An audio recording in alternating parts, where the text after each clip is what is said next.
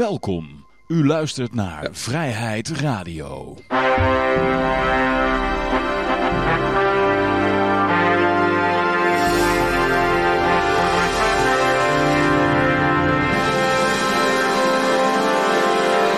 dames en heren, jongens en meisjes, dit is weer een aflevering van Vrijheid Radio. Leuk dat u luistert. We zitten hier gezellig in Café Libertaria met op dit moment eh, Peter, Yoshi, Jan-Mark Jurjen is er ook weer eens bij. En eh, mijn naam is Johan. En wie weet komen nog andere mensen bij. Als u wil reageren, dan kunt u in de chat even uw hart luchten. Ja, nog even wat, kijken, even kijken of we nog wat mededelingen hadden. Nou ja, sowieso, uh, ik ben naar, de demonstratie geweest. Dat was hartstikke leuk. En gezellig. En uh, zover ik weet is er niemand in elkaar gemapt. Maar ja, zou, zou best kunnen. In ieder geval, ik heb het niet gezien. Alles ging heel vredelievend. Ik heb het in ieder geval gelivestreamd. Een stukje ervan. En, ja, ah, ik hoorde een heel positief bericht dat carnaval niet in heel Nederland zou worden afgeschaft. Alleen in Brabant, Limburg, delen van Zeeland, Gelderland oh, ja. en Overijssel. Dus ja, ja, ja. valt allemaal en, uh, mee. Wordt, uh, komt de Raad van Elf In Noord-Holland mogen ze hem wel op Heel belangrijk ja, natuurlijk. de Veluwe, Staphorst, overal. Ja, Bijbelbelt. Ja, ja, ik, ik ben best wel opgegroeid in een carnavalsfamilie. En voor zover ik het weet, is de traditie in Breda in ieder geval. dat op de vrij zaterdag dat carnaval begint. Wordt de sleutel van de stad overgehandigd aan de prins carnaval van uh, Breda. Ja, ja. En dat wordt op uh, dinsdagavond wordt, weer, wordt die sleutel weer teruggegeven. En voor de vier dagen dat het carnaval is, is de prins carnaval is de heeft de functie van de burgemeester. En die is verantwoordelijk voor de, voor de orde en... Uh... Ja, ja, inderdaad. Ja. De prins die neemt het over. Ja. Nee, de, maar uh, ik zeg al, dat is de traditie zoals het verteld wordt. Ik weet niet in hoeverre dat dat allemaal... In principe heb je dan dus gewoon een, uh, een, een carnaval zonder beperkingen. Want dat hele carnaval gaat er juist om dat je zoveel mogelijk griep krijgt. Want iedereen is ziek na de carnaval. Maar dan kun je daarna het gewoon het hele jaar en dan zeggen, ja, ik heb een kater van het carnaval. En dan weet -hmm. iedereen, want dan neem je gewoon een week vrij voor, want jij bent de carnavalvierder. Dus uh, dan heb je gewoon die hele week, woensdag is de laatste dag, maar die twee dagen en dat weekend daarna lig je gewoon nog in je bed een beetje bij te komen. En dan kun je maandag, die, die, die maandag immuniteit die je opbouwt is ook enorm natuurlijk. Nee, maar dat is eigenlijk ja, een hele goede, ja precies. Dus dat is echt een, een, een, een opoffering die je daar doet door helemaal kapot te gaan tijdens die dagen. Hmm. En dan uh, ben je de rest van het jaar ben je hartstikke sterk. Ja, ik vind die, die Hugo de Jong ook een beetje een soort uh, Prins Carnaval-achtige... Nou. nou, dan toch wel een hele fascistische. Die geeft alleen maar medailles weg de hele tijd. ik denk dat we er een stuk beter vanaf zouden zijn als we ja. inderdaad een paar jaar lang een, een Prins Carnaval zouden hebben. Die, die het ja. hier, uh, nou, je kan op mij stemmen door wel één guldens te kopen. De sleutel het gewoon nooit meer Alleen zijn schoenen, hè? alleen zijn schoenen. Maar ik ben benieuwd met de Elfsteden toch van, want uh, ja, misschien uh, gaat hij dan ook door, behalve dan in Leeuwarden, Sneek, Hinderloop ja. en Dokkum. dat is gewoon nieuw. ja. Mooi. Um, ja, dan gaan we even naar de berichten toe. Uh, maar ik laat ik eerst even van Jurjen. Jij bent uh, ook speciaal om een reden hier naartoe gehaald. Zullen we eerst met jou even beginnen? Want we hadden een tijdje terug hadden die over die supply chain shortage. En misschien kan jij er wat over uitleggen.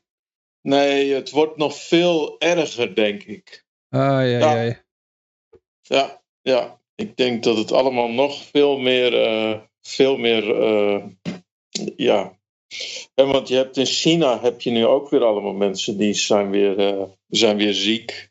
En dan gooien ze, hè, daar, daar doen ze er meteen een harde lockdown in. En ja, dan ligt de haven van Shanghai weer een paar weken stil. Hè. Dat, is, uh, dat is denk ik een heel belangrijk, belangrijk iets. Hmm.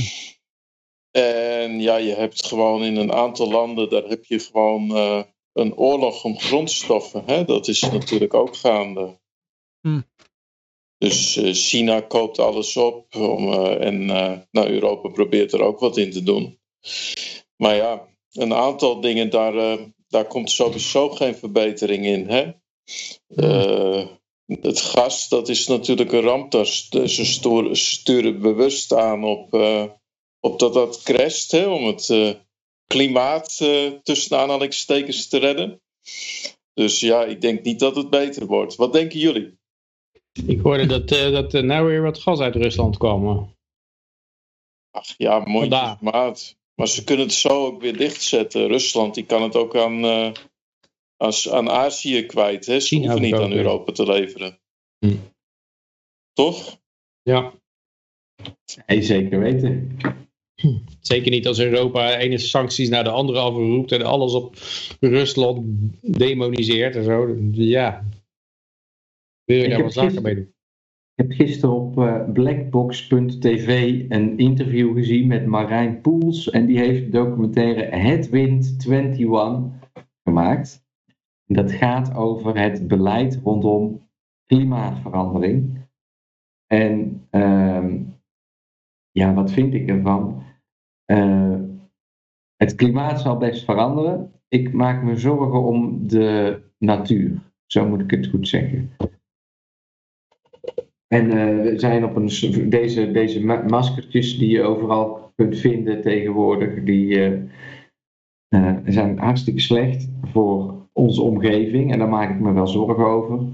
Maar om nou te zeggen van de mens in zijn eigen leven, of, of, is het klimaat aan het veranderen, dat weet ik niet zozeer. Of wij dat kunnen. Ja, het klimaat is sowieso al hele tijd veranderd uh, zonder dat de mens ook maar enige invloed heeft uh, gehad. Ja. En vrij drastisch ook. Dus uh, ja, het kan altijd gebeuren natuurlijk. Maar ze kondigen dit al de hele tijd aan, van die nieuwsberichten uit 1975. Als er niet nu wat gedaan wordt, dan is het 2000 jaar 2000.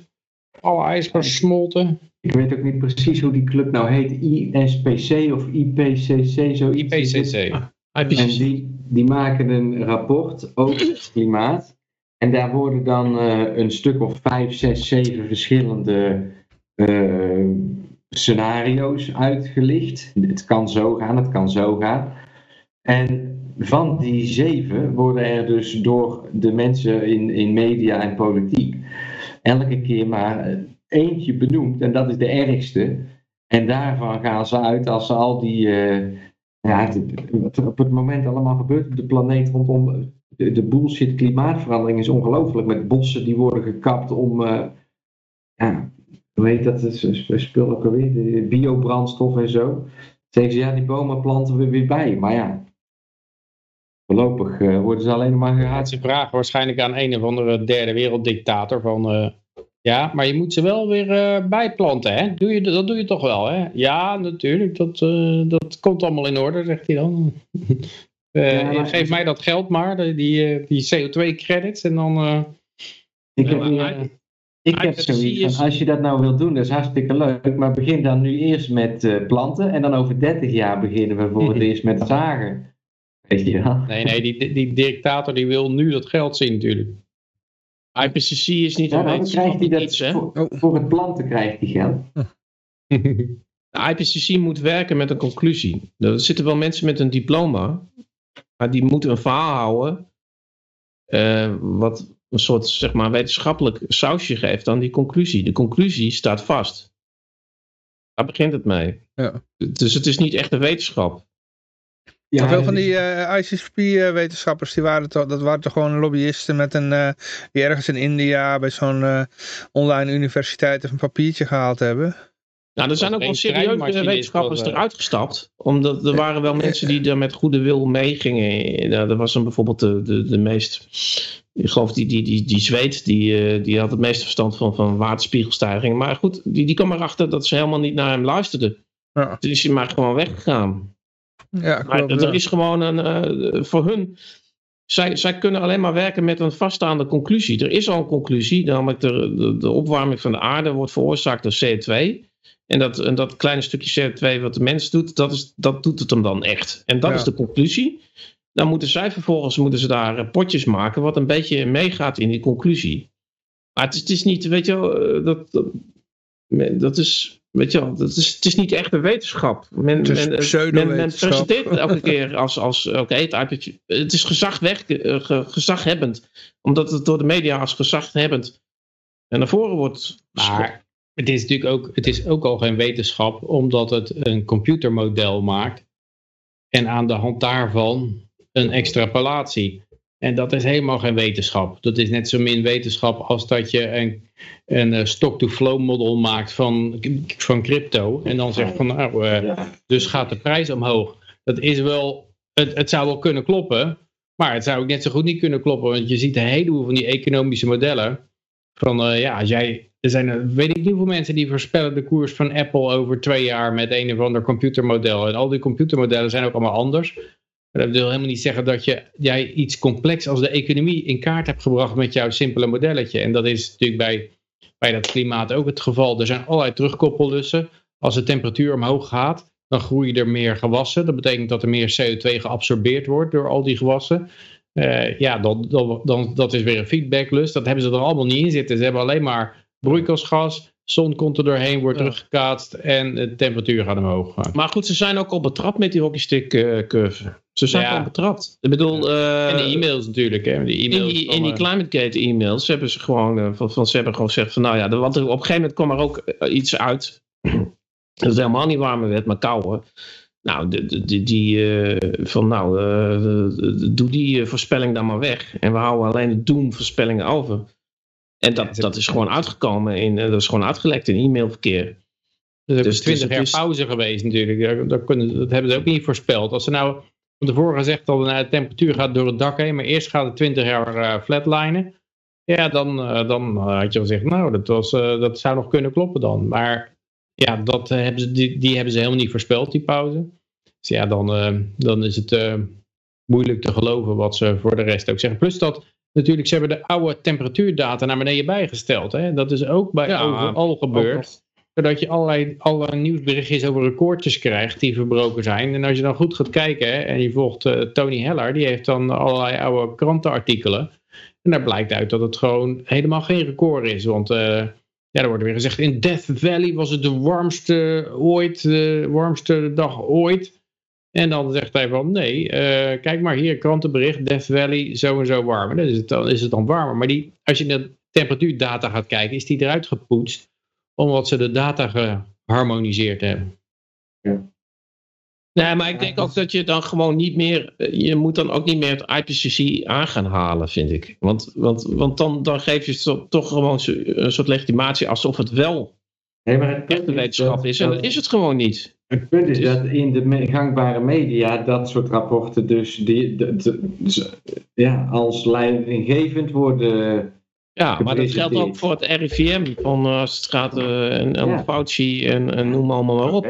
En als je wat verdiept hebt in, in die klimaattoestand, dan snap je ook heel goed hoe het nu gaat met, met eh, allerlei berichtgeving over, over, eh, over virussen en waarom we in lockdown moeten en waarom dat goed is. En, eh, Ja, inderdaad, als je eenmaal door hebt dat een van die dingen heel groot is en toch een enorme fraude, dan denk je natuurlijk van ja, dan, dan kunnen ze dat bij die andere dingen ook wel voor elkaar krijgen. Dus als, Daarom riep ik toen bij MH17 was neergestort. Toen eh, kwam er een speciaal nieuwsbericht en ik zat bij mij eh, bij mijn buurman bier te drinken. En er is een vliegtuig neergestort. En ik zeg tegen hem: Dit is één grote neppe bullshit. Hij, zegt, hij werd helemaal boos op mij. Hoe kan je dat nou zeggen? Die mensen die zijn omgekomen en dit en dat. Ik zeg van dit hele verhaal klopt geen ene flikker. Want dat is gewoon de manier waarop ze dit presenteren. Dit verhaal was gisteren al geschreven. Zeg ik tegen hem. Hm. Nou, en eh, dus ja. Maar denk jij dat er helemaal niemand is overleden dan? Of denk je Nou, dat... nee, eh, Nou, dat wel, maar eh, de- ze hebben gewoon expres een Nee, vliegtuig boven een oorlogsgebied laten vliegen. Het gaat er alleen om, Ja. bij MH17 is het zo eenvoudig dat je kan zeggen wie heeft het gedaan. Dat het gebeurd is, dat weten we allemaal, maar wie heeft het gedaan, is het, dat is bij de MH17 de vraag. Dus is iets anders nog dan nou, wat ik denk 9/11. is van, kijk, het is wel eens heel onverantwoord, want je weet dat daar een burgeroorlog is. Dan laat je gewoon daar een passagiersvliegtuig overheen vliegen. Ik bedoel, normaal als er ergens oorlog is, laat je daar geen passagiersvliegtuig overheen vliegen. Want die wordt gewoon uit de lucht geknald. Ja, Ja. Daar, daar, op zich is dat nog niet vaak gebeurd. Behalve dan, ik geloof een Iraans vliegtuig is eh, door een Ja. eh, uh, Amerikaanse fregat uit de lucht geknald, passagiersvliegtuig. Maar uh, wat, wat ook een heel apart verhaal is, toch, het is een beetje speculatief allemaal natuurlijk, maar uh, de, de Oekraïense luchtmacht was daar aan het bombarderen. En dat deden ze steeds onder de dekking ja. van burgerluchtvaartuigen. Dus zodat als die, ja. die Russen daar, die daar in het oosten zaten, begonnen terug te schieten op die vliegtuigen, dan liepen ze het risico dat zo'n raket door, doorschoot en een burgerluchtvaart. Dus dat konden ze niet doen. Natuurlijk hele slechte PR. En wat er, wat er ook nog gold, is dat de zomer daarvoor was er een oefening geweest van de NATO. En toen viel de he, alle tags vielen van de, van de radar af. Dus zo'n radar, die uh, verkeersleidingsradar, die hebben uh, allemaal tags aan die vliegtuigen hangen. En dat, dat komt omdat die radar, die heeft een uh, Identify Friend Foe, heet dat, IFF. En die radarpuls, die, gaat, die raakt zo'n vliegtuig. En dat vliegtuig stuurt dat ding terug en die hangt er een tag aan. Van ik ben een uh, ik ben vliegtuig, vluchtnummer zoveel, zoveel. Dus je hebt van die kaarten en dan zie je al die vliegtuigen die er in Europa hangen. Met de tags eraan, wat voor vliegtuigen het zijn. Dan was er een NATO-oefening en toen vielen al die tags vielen er opeens uit in een heel groot gebied. Uh-huh. Dus de vermoeding is dat zij iets testen met een stoorzender. Van we, gaan, we gaan een stoorzender gebruiken om al die tekst eruit te knallen. Hm. Maar dan kan je je natuurlijk ook voorstellen dat als zo'n jachtvliegtuig of, of een bommer uh, daar on, on, onder dekking van een burgerluchtvaartvliegtuig zo'n stoorzender bij zich heeft. Dan zet hij gewoon met zo'n stoorzender zet hij die IFF uit. Dan ziet hij die mensen op de grond die die, die, die uh, missiles uh, lanceren, die zien dat burgerluchtvliegtuigen niet meer, die zien die tag niet meer. En dan, dan loop je natuurlijk helemaal het risico. Dat is eigenlijk een soort uitlokking uh, als, dat, als dat gebeurd zou zijn. En dat is natuurlijk gewoon helemaal dan op de publicitaire toestand gegooid. Van ja, als ze dan een burgerluchtvliegtuig uit de lucht knallen. Dan krijgen ze gewoon de wind van voren. En dan, uh, dan maken we ze gewoon helemaal publicitair uh, tot de total enemy. Ja. En zo subtiel worden wel dat soort spelletjes, denk ik, gespeeld, uh, dit soort uh, dingen. Ja. Ik vond het zo uh, bijzonder dat er dus zo'n heel team aan artsen in dat vliegtuig had gezeten. Dus daar vond ik van, ja, het, het zal toch niet toevallig dit vliegtuig zijn geweest, denk ik. Mm. Ja. Hetzelfde zat er op die Titanic, zaten ook de, de, alle tegenstanders van de Centrale Bank van Amerika, die zaten op de Titanic. En toen ging mm. de Titanic die zonk. Oh. Ja, maar... Um, Oké, okay, ja, ja, Jurjen, want we, we zaten eigenlijk in uh, over supply chain nee, nee, nee, shortage. We zijn nog nooit zo ver afgewaard, zo snel. Nou, maar had jij nog prima, iets dat is prima, dat is prima. Nee, maar laten we dan eventjes een ander aspect noemen, wat natuurlijk ook gevolgen heeft uh, voor de supply chain. Timmermans, die gaat uh, nu oh, allemaal geld uitgeven daardoor loopt natuurlijk de inflatie uh, enorm op. En dat lijkt me ook niet goed. Hoe denken jullie daarover, over Timmermans? Niet alleen Timmermans denk... geeft een hoop geld uit. Er komt ook nog een Build Back Better uh, ja. zooi aan van, van de dollarfront. En daar komen ook een paar triljoen, toch? Biljoen in Nederlands. Dus bij elkaar is het voor dat gele groene, groene Armageddon wordt dat een hele hoop geld, Jim. Maar probeert Nederland, uh, of ja, Nederland, uh, de EU en uh, de VS niet een beetje hetzelfde wat, wat, wat sinds Zimbabwe en, en Venezuela ook al hebben geprobeerd? Mm. Ja, dat is natuurlijk al heel vaak gebeurd in de geschiedenis. En, en daar willen ze nooit naartoe eigenlijk, naar een waarloze munteenheid. Maar op een of andere manier komen ze er toch altijd uit. Met ah, intellectuele dekking van uh, eh, MMT-wetenschappers die zeggen van nou, het kan allemaal geen kwaad. En dan krijg je mensen die zeggen nee, inflatie is juist goed.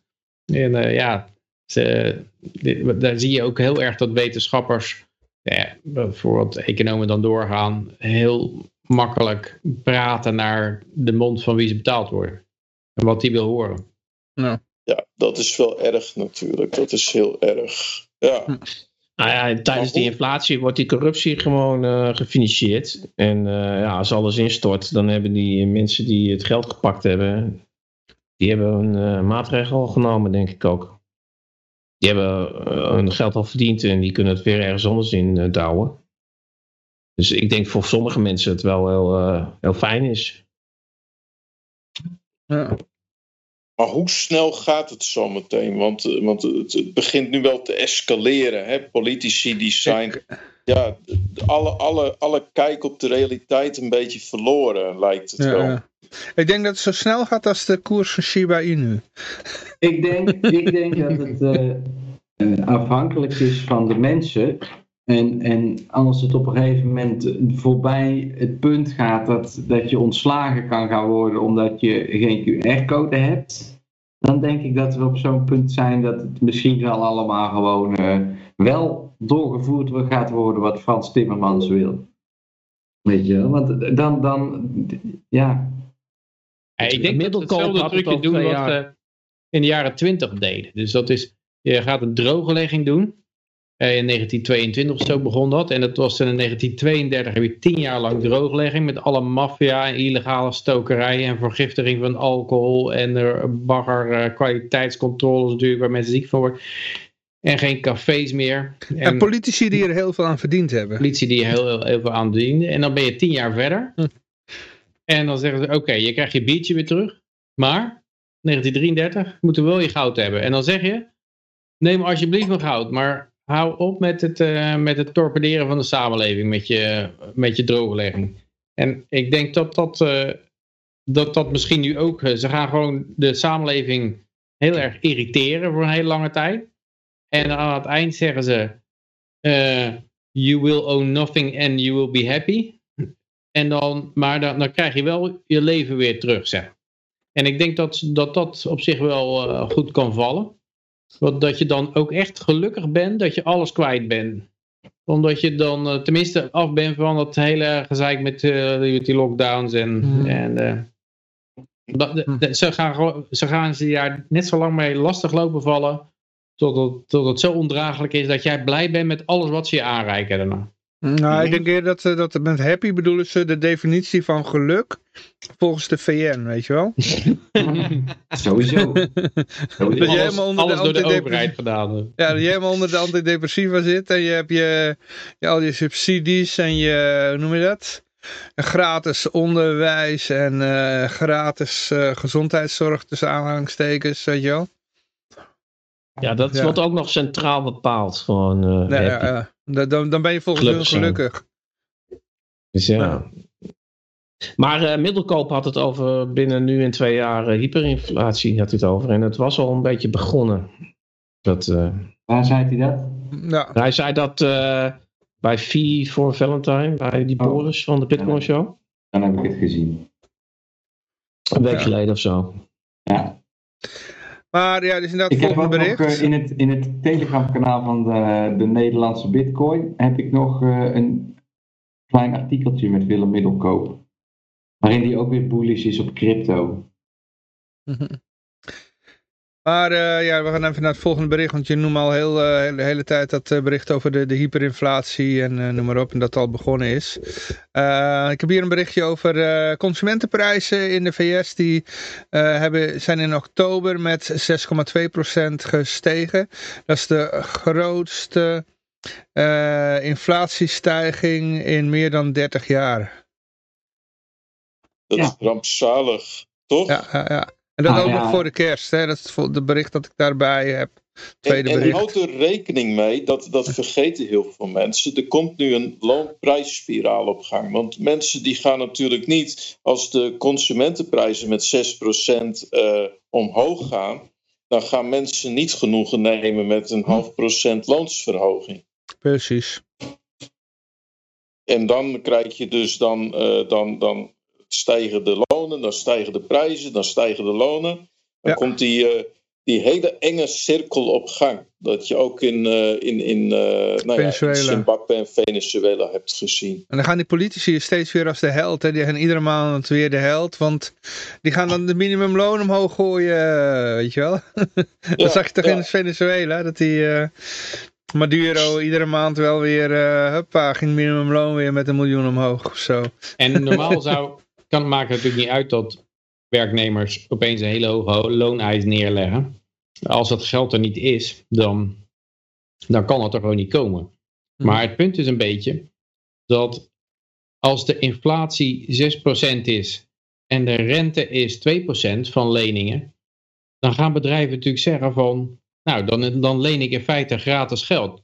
Want ik leen het eh, en ik, eh, voor 2% en het wordt 4% of 6% minder waard per jaar.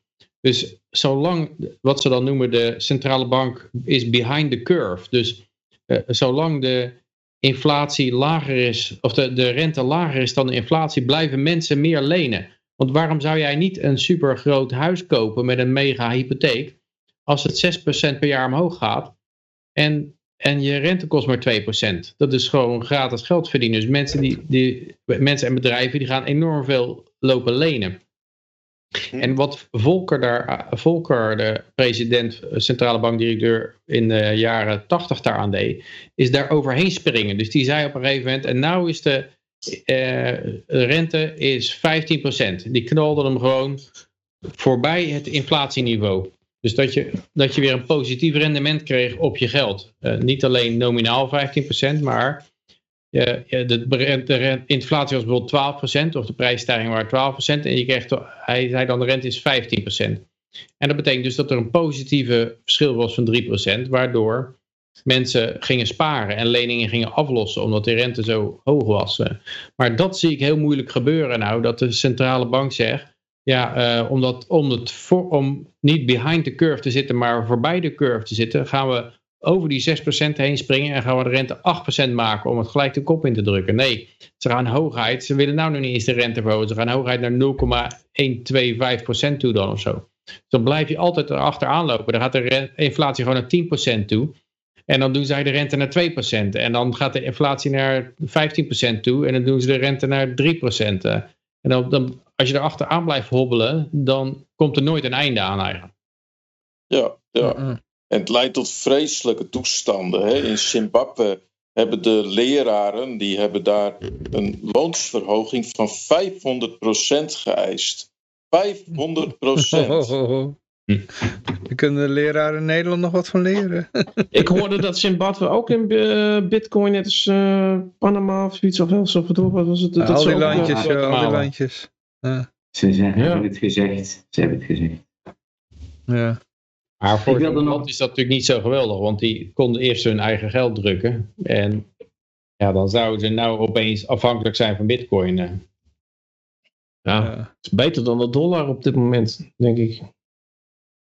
Ja, het punt is, en dat, dat, is, ook met, met El Salvador. Ik bedoel, ik heb toen nog gekeken van hoeveel procent van dat land heeft überhaupt een uh, mobiele telefoon.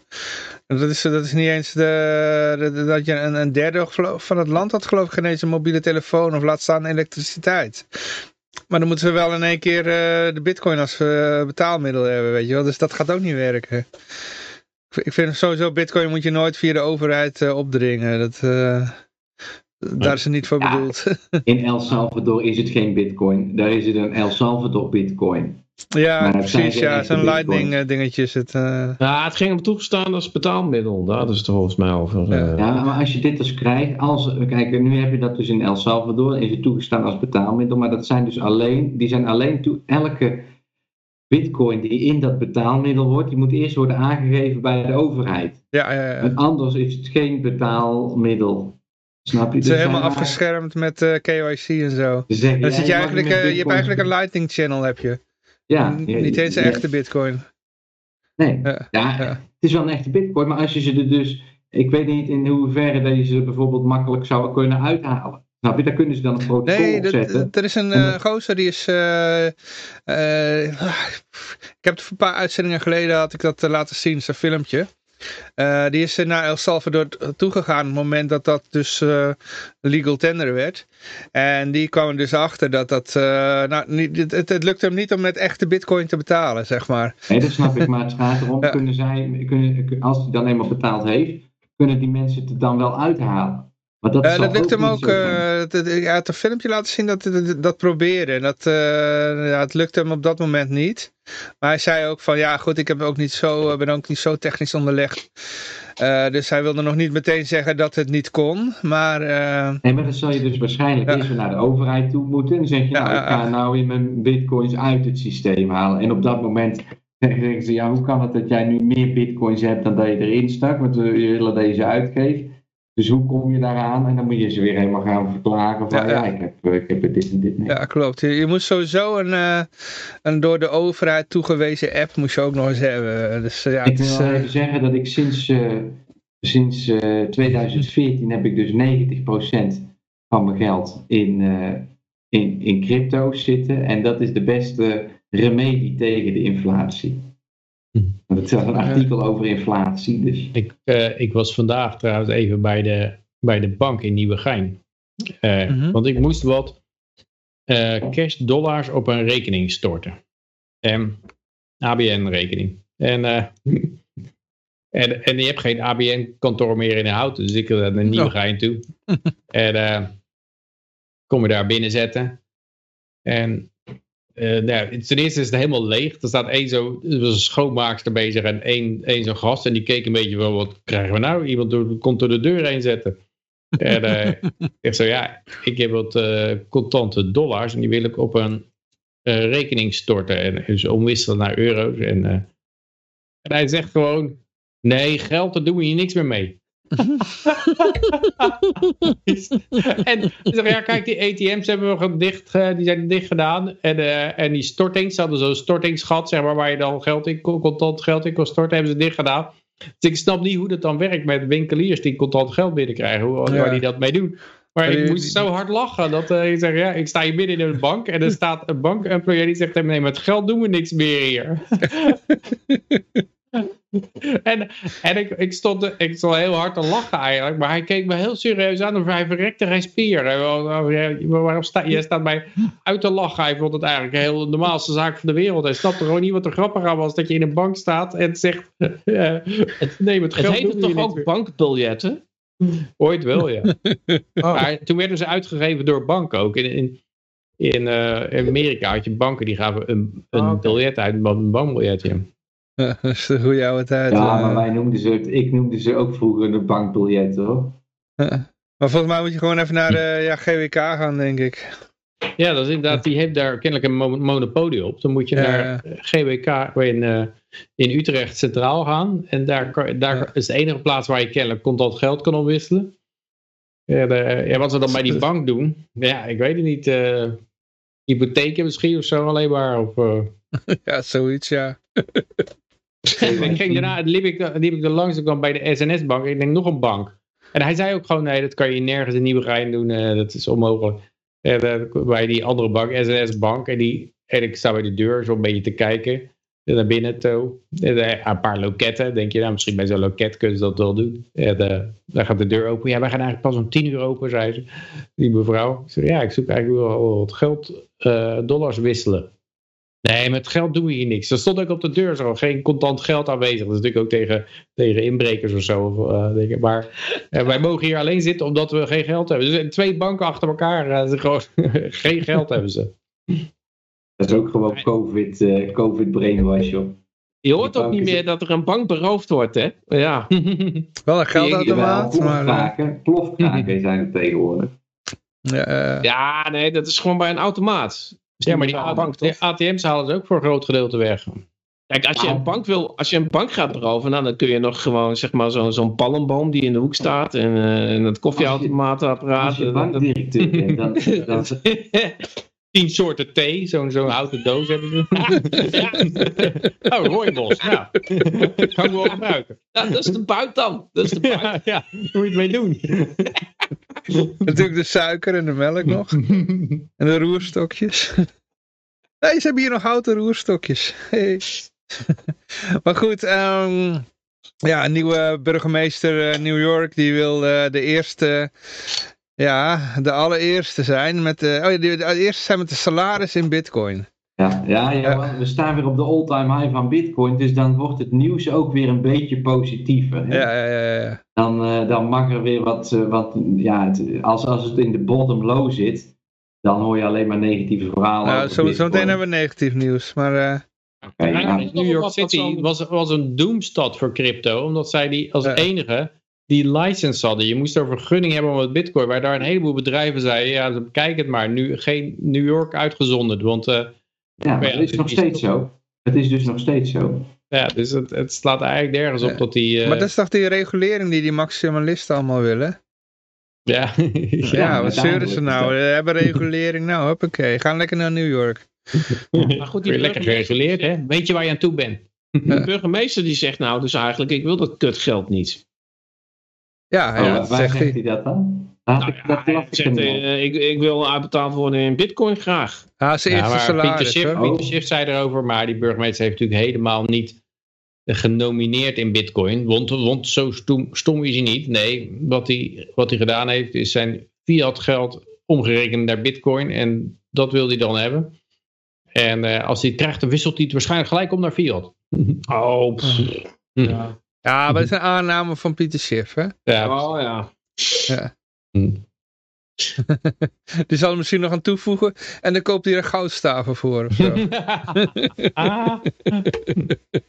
Oh ja, nou dan wordt hij toch ook nog... nog steeds een, een leuke vet. Hij weet dingen mooi uit te leggen. Maar alleen de, de, op bitcoin lopen hakken, dat is zo counterproductive. Want hij, hij schenkt daar alleen maar aandacht aan. En dan krijg je nee, ook een tegenreactie. Want zo je werkt het. Dat is, dat is precies een trucje. Dat is een trucje, een bitch fight. Dus hij kiest, kiest, een bepaalde positie in. Hij, heeft, hij heeft trouwens bitcoin, hè? dat zegt hij ook, hè? Nee, hij, heeft, nee. Uh... hij had een keer was hem wat bitcoin gegeven en is die sleutels ja, kwijtgeraakt. En dat was, ook, was ook een bewijs dat het niet werkte. Nee, maar goed, het kan een spelletje zijn hoor. Maar het is, het is gewoon een spelletje dat je speelt. Je kiest een bepaalde positie en die, die ga je gewoon, uh, dan ga je hakken in het zand doen en die positie gewoon volhouden. Van dat die anti-bitcoin is. Maar in, in, in, in werkelijkheid zou die gewoon bitcoin alvast... Ja, maar dat hij misschien zo, alle, alle crypto's Hij die er loopt zijn. al zijn hele leven goud te voorspellen als ja, ja. Het, het, gaat allemaal maar daar stuk. heeft hij natuurlijk het meeste in En dan wordt het allemaal goud uh, wat er blinkt. En, en mm -hmm. nou Iemand postte dan ook zo'n zo'n tweet van dit is de inflatie. En dan zie je timmerhout 100% omhoog of zo. Ja. Koffie 250%. Uh, suiker uh, 50%. En dan helemaal onderaan goud plus 1% of zo. Dus uh, zilver min 1%. Dus nou, ja. lekkere inflatiehedge is dat al. Dus alles is meer gestegen dan goud en zilver. Uh -huh. En dat is natuurlijk, uh, ja, dat soort tegenreacties krijg je dan ook. En het, het, ja, maar tot nu toe als... heeft het gewoon niet goed gewerkt eigenlijk. Dat nee, je, je hebt ook fractional reserve banking. Met goud wacht maar tot zometeen crypto weer in de beermarkt gaat. Dan is het hartstikke slim om dan bij hm. uh, op de top gewoon weer goud te kopen. Ja, mm -hmm. maar het ja. probleem is dat er de, de, van al het goud wat er verkocht wordt, mm -hmm. 80% is er helemaal niet. Ja, dat is ook zo. Ja, is dus dus je, hebt gewoon, je hebt gewoon fractional reserve banking met goud.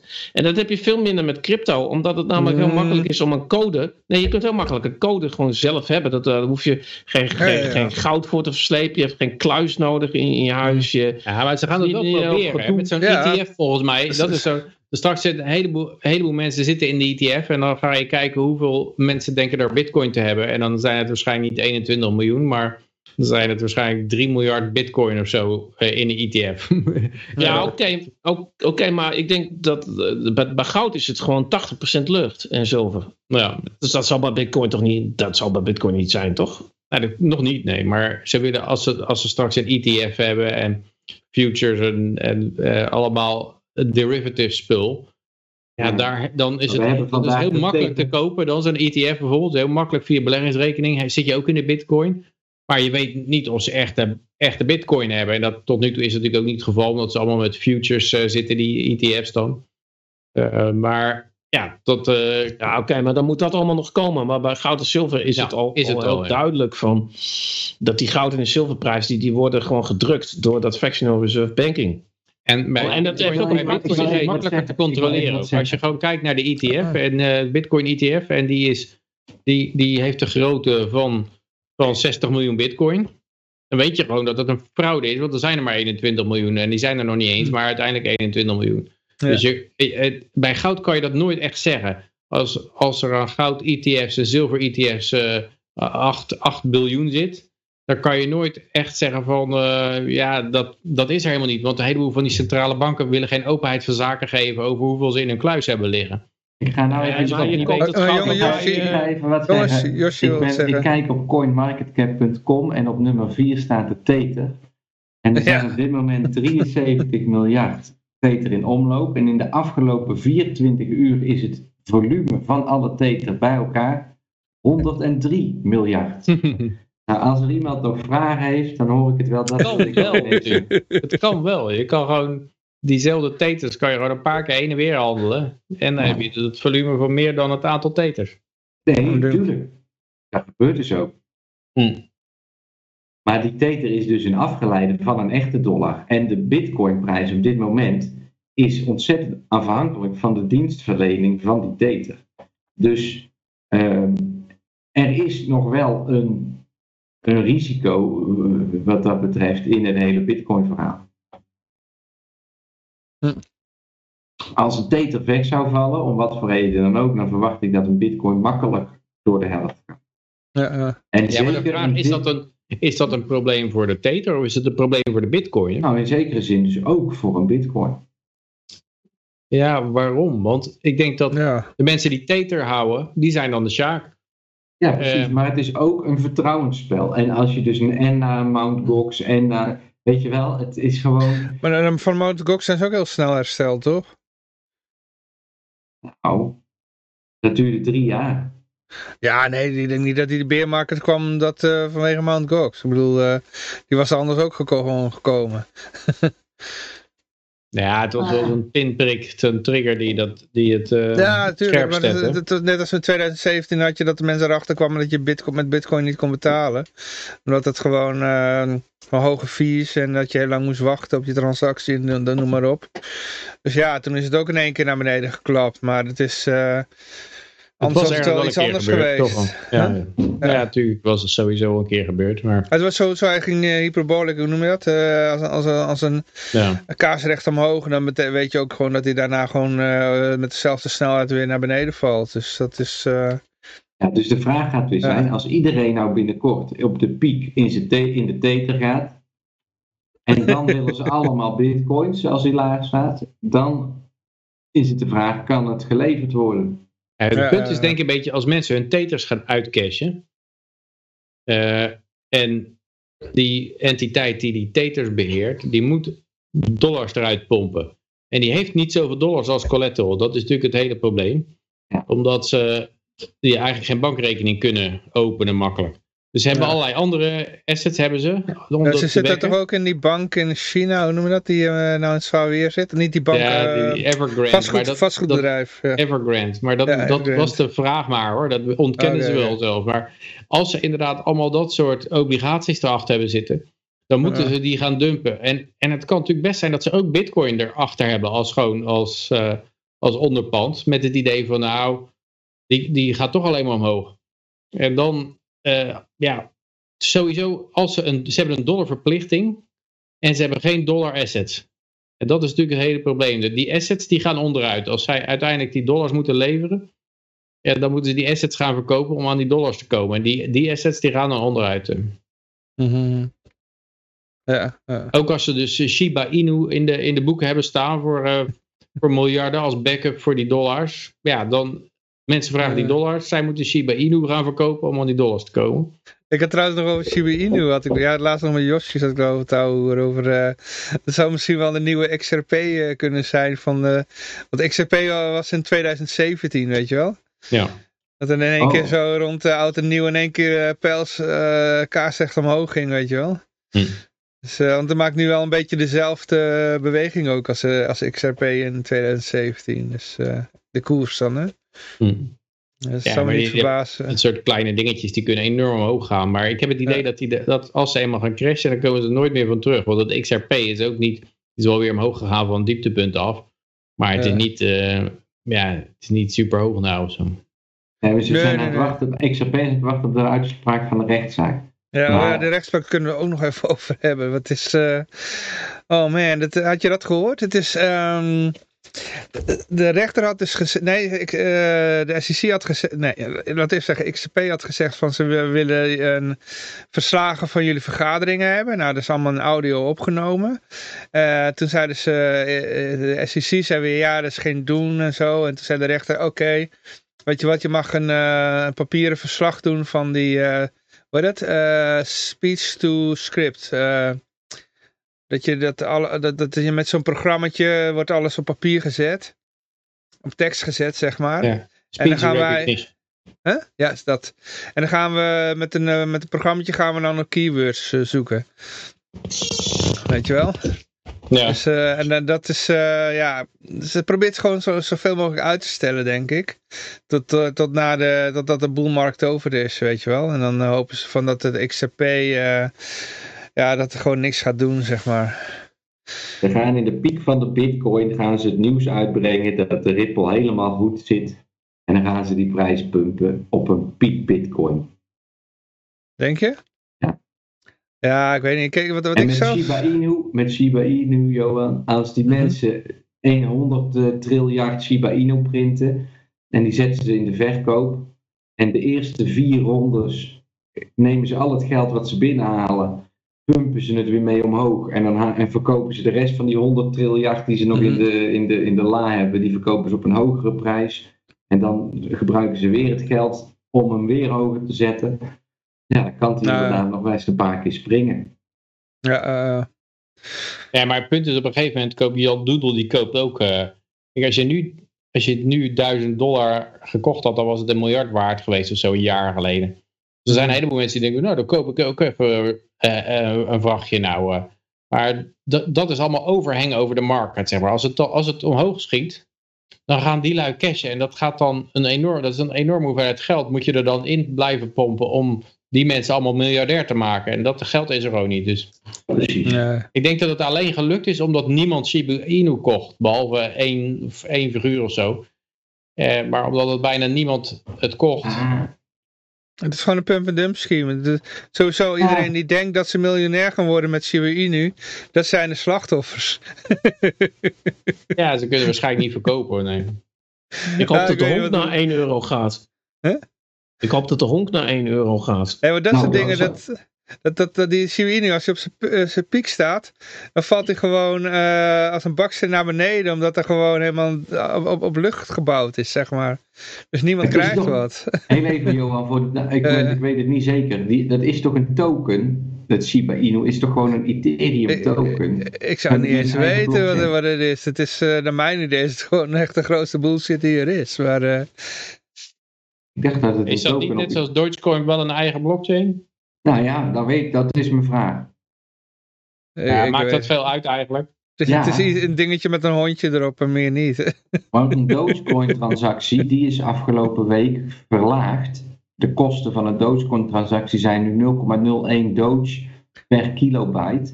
Oké. En dat wilde Elon Musk en daar heeft hij zijn zin in gekregen. Ik hoop dat hij niet zijn zin krijgt om het proof of stake te maken, want dat zou echt de grootste bullshit ooit zijn.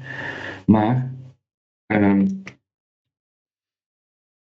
ehm, als je dus een token bent op het eh, Ethereum-netwerk, en dan ziet het wel naar uit, het is gewoon een token op het Ethereum-netwerk, Volgens mij moet Dan het toch moet wel ik ergens dus- te vinden zijn. dan moet ik dus voor iedere transactie, voor iedere transactie die ik doe in die munt, moet ik betalen in Ethereum.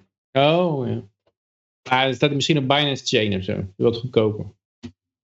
Ik zie hier op CoinMarketCap alleen een Ethereum-adres. En CoinMarketCap is van Binance. En als er dus ook een Binance-adres is, dan doen ze dat meestal alleen het Binance-adres laten zien. Dus is volgens mij.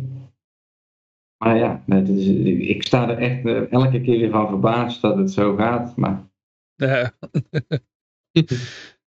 de honk is afgelopen, want dat werd even genoemd. Afgelopen maand is de honk dus met 500% gestegen. Hè? Sinds de vorige keer, wat ik als er vorige week niet bij. Sinds de vorige keer dat ik jullie sprak, was er 1 miljoen honk was 50 cent. En nu is 1 miljoen honk is 5 dollar. Wow. Ik zal even kijken. Hij- Ja, hij heeft, hij heeft 6 dollar heeft hij gedaan. Oké. Ja, ik zie inderdaad bij Shiba Inu staan. eh, Explorers, Etherscan, it, it Explorer, Explorer. Dus dat, oh, zijn inderdaad een token, ja. Dat zijn dan inderdaad uh, Ethereum tokens, ja. Uh, het is nu 4,5 dollar voor een miljoen honk. En dat is plus 64% sinds vorige week. En dan kun je maximaal 100.000 dollar is de market uh, pool. Oké, okay, ik, ik, heb volgens mij 200 miljoen of zo. Hoeveel is dat? Uh... Goeie genade. 200 miljoen is een halve bitcoin cash ongeveer. Oh, wauw. Nou, ik zal even kijken. Je moet ook nog wel mensen zien te vinden die het willen kopen voor die prijs. Nee, nee je kan dus tot 100.000 dollar kun je cashen. Oké. Ja, je kan 70 wow. bitcoin cash kun je, zit erachter. Volgens mij heb ik ze allemaal gekregen voor jou, uh, Yoshi. Ja, ik heb meer dan een miljard, ik heb meer dan een miljard honk tokens uitgegeven. Uh, hey, ik zal even zeggen, Johan, op dit moment 200 miljoen, 1,32 bitcoin cash. Oh, wauw. Zo, ik ben rijk. Ja. Ja. ja, en dat was dus een maand geleden was dat 0,13. Hmm, Oké. Maar we, waren nog in de, eh, ja, we waren trouwens nog in de, in de berichten. We hebben nog een hele hoop te, te, te doen. Um, over die burgemeester. Ja, wat ik ook nog wil zeggen, zei hij dit nog tijdens uh, de verkiezing als burgemeester? Dus voordat hij burgemeester werd? Want dan is het gewoon, ja, een politicus die een belofte doet, hè? Ja, dat weet ik niet. Hij, hij wil in ieder geval concurreren met Miami, zei hij. Dus... Uh, als, als bitcoin hub van de wereld. Nou ja, ik... Uh, volgens mij als je dat soort dingen zegt, dan heb je er eigenlijk nog niks van begrepen eigenlijk. Ja. Staat gewoon een nood of zo, of uh, wordt er gewoon een miner. Maar, maar nou, goed, wat mij dan, wat, kijk, de reden dat het in de krant is gekomen, ik heb het namelijk wel nog even doorgelezen en op het einde staat er dan nog er komt er dus op een gegeven moment komt er een of andere De Vries aan het woord. Alex De Vries. Uh, hij is datawetenschapper en bla bla bla. En die zegt oh, ja, dan even namens de Volkskrant ja. wordt er nog even ingegooid. Bitcoin is een heel vervuilende munt. Het ja. miningproces kost ontzettend veel energie. Er zijn alternatieve crypto's waarbij dat proces tot wel 99,9% minder energie verbruikt. Het uitbetalen van het salaris in bitcoin zal volgens de Vries niet zo'n probleem zijn. Dat kan de gemeente zelf doen, dat is niet zo moeilijk, maar de koers is erg volatiel. Het kan zomaar gebeuren dat je salaris 10 minuten na uitbetaling ineens 10% minder waard is. Ik zal kijken. Het kan zomaar gebeuren dat je salaris 10 minuten na uitbetaling ineens 10% meer waard is. Terwijl jouw rekeningen gewoon in dollars zijn dat hij alleen de eerste drie salarisstrookjes in bitcoin laat uitbetalen, toont aan dat hij dat risico zelf ook wel ziet. Nou, ja, staat, staat, er niet bij criminelen gebruiken cryptovalutas niet alleen voor het ontvangen van losgeld zoals slachtoffers van gijzelsoftware, ook bij drugs- en mensenhandel, fraude, malafide webhosting en belastingontduiking blijken criminelen de digitale munt te gebruiken. Dat vind ik een mooie afsluiting die het volgende berichtje staat, die daar wel bij ja, moet, moeten gewoon standaard al onderste gedaan altijd. Ja. Ja, dit was inderdaad ook precies weer. Dit is dus de manier waarop. dit was een NOS-bericht. We lezen hem nu vanaf nu.nl, maar de NOS kwam hier ook mee naar buiten. Mhm. En ehm, dat kwam precies naar buiten op het moment dat het, de Bitcoin op de all-time high stond. En toen heb ik eronder geschreven: van dit is de manier waarop NOS ons vertelt dat de Bitcoin op de all-time high staat. Mhm. Hier ergens in zo'n tussenzin staat er uh, dat de Bitcoin. Ik weet het niet precies, maar dat, weet je wel, ja, dat is het. Ja, het sausje van de Nederlandse mindset. Ja. Ja, maar goed, na tien jaar ben ik het allemaal wel gewend, joh. Dus, uh... Het is toch jammer dat het zou moeten. Maar het is wel zo. Ik denk, dit past wel in het grotere plaatje dat je, je leest de mainstream media en je ziet het standaard gezooi over uh, mensenhandel, drugs en fraude en gijzelsoftware bij Bitcoin. Maar je ziet ook hetzelfde uh, heel, uh, hemelhoog juichende verhalen over vaccins. Uh, je ziet uh, bedoel, het hele en, en alarmerende verhalen over global warming. je krijgt natuurlijk een heel palet aan, aan zooi, van die zooi op je afgegooid. En zou het nou niet zo zijn dat dat daar besmetting optreden. Als mensen in één categorie denken van ja, je kan me er meer vertellen met je bitcoin en uh, cybercriminelen. geloof er niks meer van. Dat ze dan denken van, nou, misschien uh, van die vaccins ook wel niet. En uh, die global warming moet ik ook nog maar eens naar kijken. En. Dat valt me inderdaad wel op. Want ik volg wel een paar van die, van die gasten die dan in de stream zijn begonnen en over bitcoin praten en de koers en alles, weet je wel. Je ziet ze, naarmate je volgt, sommigen die komen dan een beetje uit de, de beurshandel. En die gaan dan over naar crypto, want daar is het toch interessanter, valt meer over te vertellen, het is volatiler. En je ziet ze dan langzaam tra transformeren naar libertariërs. En dat ze ook steeds sceptischer worden over het nieuws. En uh, ja, dat vind ik wel grappig. Ja. je ziet ook heel veel mensen na verloop van tijd. Ik heb ook van die mensen gehad die zijn dan eigenlijk al libertariër. Maar dan lezen ze toch nog de NRC. En eh, mm. eigenlijk dingen waarbij, waarbij je steeds vaker hoort. Nou, wat er nou weer voor onzin in stond. Bla bla bla bla. En op een gegeven moment is dat natuurlijk niet vol te houden. Dan denk je, ja, bekijk het maar met je krant. Ik zeg mijn abonnement op. Uh, en ik heb het heel idee dat heel veel mensen in dat traject zitten. Ja, uh. Laten we hopen. Maar in ieder geval, hier kan je nog, bij ons kun je nog horen wat er in die kranten staat. ja, ik vraag me eventjes af, en er staat dus dat er 25 miljoen euro in beslag is genomen. Ja, volgende bericht vast, inderdaad. Er vast een, uh, daar staat er namelijk, dit is gewoon even zo'n bullshit bericht. Ja, ja, en als je het bericht leest, dan is er helemaal niet 25 miljoen in beslag genomen, hè? Nou, ze, ze hebben misschien wel nu gezien dat die mensen 25 miljoen aan crypto hebben, en ze kunnen ja. ook die, die harde schijf kunnen ze kapot slaan als ze willen. Nee, Nee, nee, sommige, sommige moeten nog in beslag nemen, maar die mensen zitten in het buitenland. Ja, oké. Okay. In ieder geval waar het om gaat is, ja. ze kunnen ze wel in beslag nemen, maar hebben ze dan ook toegang tot de in beslag genomen munten? Nou, dat, dat, dat staat ook in het artikel, want ze, ze hebben, sommigen hebben het op exchanges staan. En dan kunnen ze er wel bij. Dan kunnen ze er sowieso bij. Maar not your keys, not your coins, hè? Als jij, als jij een brain wallet hebt gemaakt en zij komen erachter dat die bitcoins op jouw harde schijf eh, staan. En, en, en jij hebt uh, de, private sleutel uh, beveiligd met een wachtwoord, wat je nergens hebt opgeslagen. En, en daar heb jij op allerlei plaatsen kopieën van gemaakt. Duizenden kopieën heb je overal verstopt. Want jij hebt het wachtwoord van, van, dat, van dat ding en niemand heeft dat ergens. Dus dan kunnen ze één harde schijf met een kopie van, van de, de, die munten kunnen ze in beslag nemen. Maar als ze er geen toegang tot hebben, dan kom je op een gegeven moment vrij en dan pak jij een andere kopie en jij hebt wel het wachtwoord. En dan kunnen zij zien hoe die bitcoins allemaal uit de portemonnee gaan naar een portemonnee waar ze helemaal niks over te zeggen hebben. Precies. dus dat, dat zijn van die dingen die staan hier niet in uitgelegd. Dat, staat dat vind ik geen in beslag nemen inderdaad. Nou ja, ze zijn wel dus wel, in zekere zin heb je een harde schijf in beslag genomen met bitcoins, maar je kan er niks mee. Ja.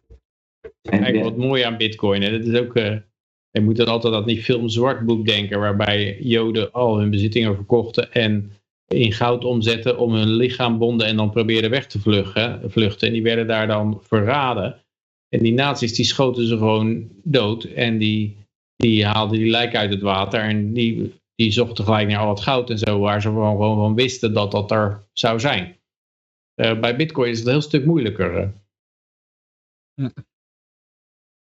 ja, goed, verder uh, het berichtje heeft geen tijd, is eigenlijk geen tijd waard. Nee, het is alleen maar gewoon bij bangmakerij, weet je wel. Bangmakerij. Ja. Een maar, hoop Een hoop fut. De meeste, ik kan nog zeggen, de meeste criminele activiteiten vinden plaats in de dollar en daarna komt de euro en dan uh, zal de yen wel volgen en uh, bitcoin komt pas heel erg onderaan het lijstje. Ja, uh, het verbazingwekkende is dat er wordt over Oekraïne dat men daar toch zijn geld in dollars bewaart. En dat komt omdat dat eh, dollars in een matras, dat is de manier om je kapitaal veilig te stellen. Dat is hier precies hetzelfde.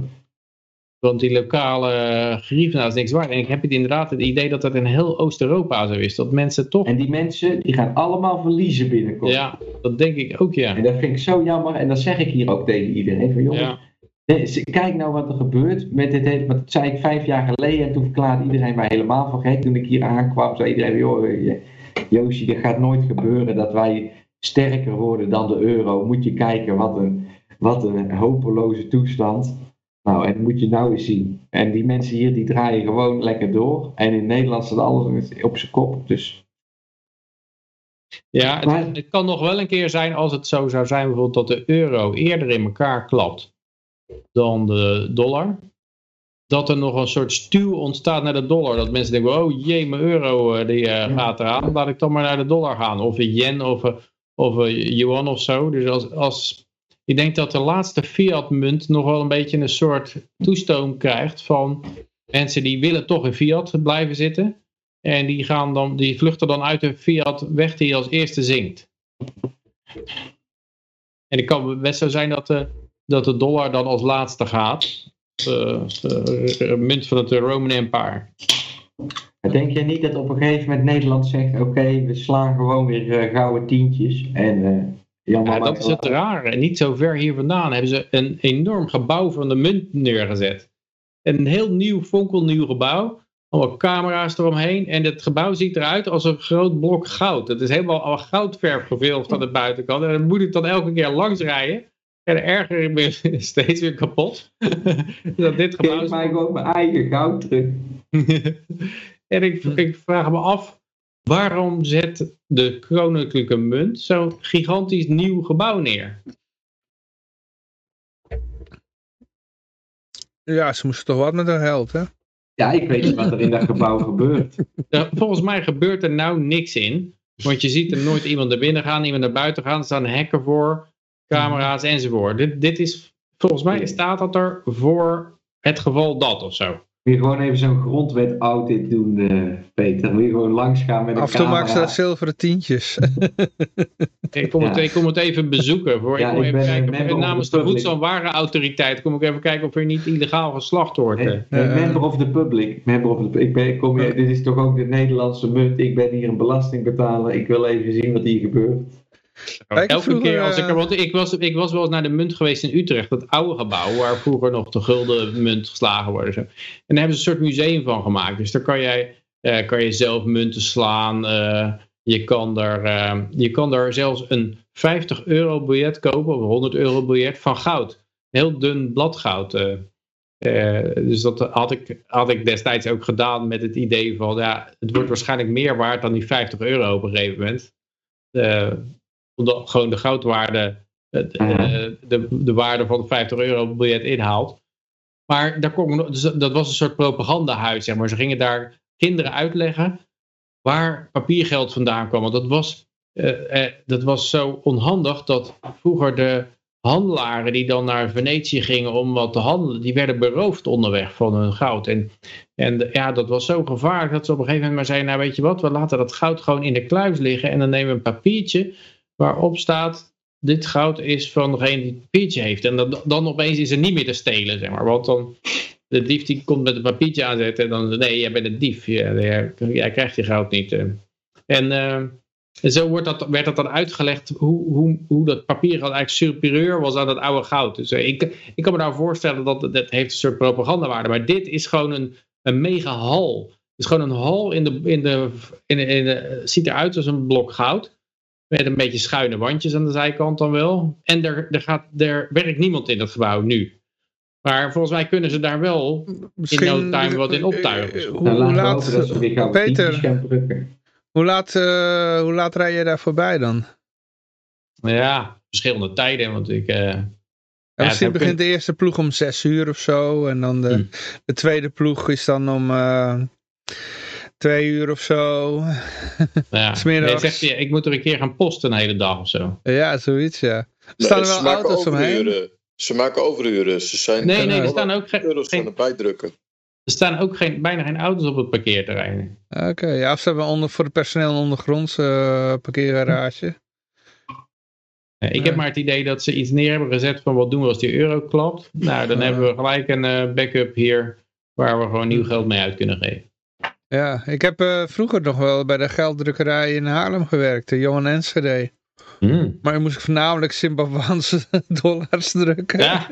Jaren negentig al, hè. En Naira's en eh, heel veel Afrikaans geld, Naira's. eh, van, van het Oost-Europese, want dat, toen viel, dat viel toen uiteen, jaren negentig, weet je wel. Sovjet-Unie, dus voor al die nieuwe staatjes moest geld gedrukt worden. Dus eh, daar had je echt, zo, zo ver je keek, zag je alleen maar pallets met geld. Dus ja. Het was een, eh, Ja. het was, ja, het was een nieuw pakje check van je hoor. Ah, oké. Maar Oh. goed, ehm, eh, ja, gaan we verder. Paniek. Ja. Er zijn bijna geen chauffeurs meer. Bevoorrading supermarkten steeds eh, lastiger. Ja, ja, ja. Dit is toch ook raar? Ja. Alsof er chauffeurs verdwenen zijn. Die staan allemaal in de teststraat mensen te testen, denk ik. Kan het nou dat er opeens een tekort is aan vrachtwagenchauffeurs? Zijn die Ja. allemaal vanwege de QR-code ermee genokt of zo? Of eh, Ja. hebben ze opeens drie keer zijn hoge diploma's geëist en zijn er een aantal mensen die dachten, nou bekijk het maar. Misschien weet Jurjen het antwoord. Er staat ook van Britse toestanden is nog Oh. geen sprake, maar de seinen staan wel op rood. Ze moeten gewoon die salarissen verhogen. Maar eh, dat is natuurlijk ook raar. Dus eh, in- toen er in Groot-Brittannië een tekort aan vrachtwagenchauffeurs was, toen werd er hard gelachen. Want dat was vanwege de brexit hadden ze alle Hm. Oost-Europeanen eruit gejaagd. En, eh, en daarom hadden ze nou geen chauffeurs meer. Ha, ha, ha, boontje komt ons een loodje. Nou, bij ons ook geen... eh, Misschien zijn ze testen zat. ja. Moet jij eh, getest zijn als je vrachtwagen... Maar wel als je steeds de grens over moet. Oh ja, ja, ja, ja, precies, Ja. ja. Ja. Dus eh, die zijn het gewoon zat. Een van de belangrijkste oorzaken is de vergrijzing, zegt hij. Dat krijg ik weer bij. Ik krijg van die, van die dingen aange- aangesmeerd van eh, dit is de oorzaak. Oké, eh, Eh, moet ik dat maar geloven. Ik zag van de zomer bij een bedrijf waar ik werkte, dan kwamen allemaal van die Poolse chauffeurs daaraan om vrachten te, te lossen. En eh, ja, dat had terwijl iedereen gewoon, eh, niemand zonder mondkapje, hoe heet het? niemand liep er met een mondkapje rond, behalve die chauffeurs. Die hadden helemaal ingepakt, mondkapje, scherm voor. Ja, Misschien zitten die chauffeurs wel eh, allemaal opgesloten in dat goudkleurige gebouw waar jij elke ochtend langs rijdt, eh Peter. Aha, Ik zou het wel fijn vinden als er gewoon mensen gaan zeggen als er, als er mensen zoals vrachtwagenchauffeurs zouden zijn van weet je wat, gewoon voor het algemeen nut, zolang dat er QR-codes bestaan, rij ik gewoon mijn vrachtwagen niet. Punt. ja ik denk Ja. dat dat het is, dat ze Deze gewoon die regels zat zijn. shit moet gewoon stoppen en ik zo denk dat het heel snel afgelopen is dan eh, met, Ja. eh, met die shit. Ja. Maar misschien weet Jurjen het antwoord. Een tekort aan vrachtautochauffeurs hier in Nederland. Ja, Ja, ik denk, ik denk dat, dat, dat als je nu kijkt naar wat er, eh, wat er gebeurt elders in Europa en wat er gebeurt in Nederland, dan zijn we gewoon de voorsprong ook wat aan het verliezen. Hè? Eh, Ja, het, eh, het, eh, al- als je een land eh, anderhalf jaar stil eh, legt hè, en met, met al die COVID-maatregelen, ik, ik denk dat het bij Jossi ook beter gaat dan hier. Absoluut, Ja. zeker weten. Ja, je ziet daar toch de groei. Je, je, je, je ziet de economische groei toch in Servië. Ze hebben hier net bij mij om de hoek hebben ze vier eh schaakborden gebouwd naast een eh, basketbalveldje. Mhm. Nou, dat was hartstikke leuk om te zien. En het, het leuke hier is ook dat als ze iets verbeteren, dan is het meteen ook een groot verschil. Als je in Nederland iets vernieuwt, dan is het eigenlijk, ja, het dan is het wel vernieuwd, maar het was, het was al goed. Maar hier is het, komt het van heel slecht naar, ga, maken ze er iets leuks van, snap je? En dat, eh, het contrast is dan veel groter. De, de vooruitgang is veel meer te zien. Hm. In Nederland is er ook nog wel vooruitgang, alleen het is gewoon, het is al op een heel hoog niveau. Dus die vooruitgang gaat ook in kleinere stapjes. En hier is het, ja, eh, als je dan vanaf, je moet het zo zien, de tijd staat die 30 jaar stil. Want ze hebben een bom op het dak gehad en toen ja, was het wel een beetje afgelopen. is die ene Dus- brug al gemaakt eh, van dat ene dorpje...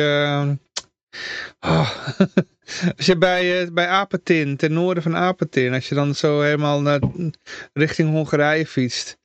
Ja, ik denk dat jij binnenkort gewoon nog een keer moet langskomen, Johan. Ja, ik, ik, had, ik zag daar een brug en die was ooit gebombardeerd in die burgeroorlog en daar hebben ze niks aan gedaan.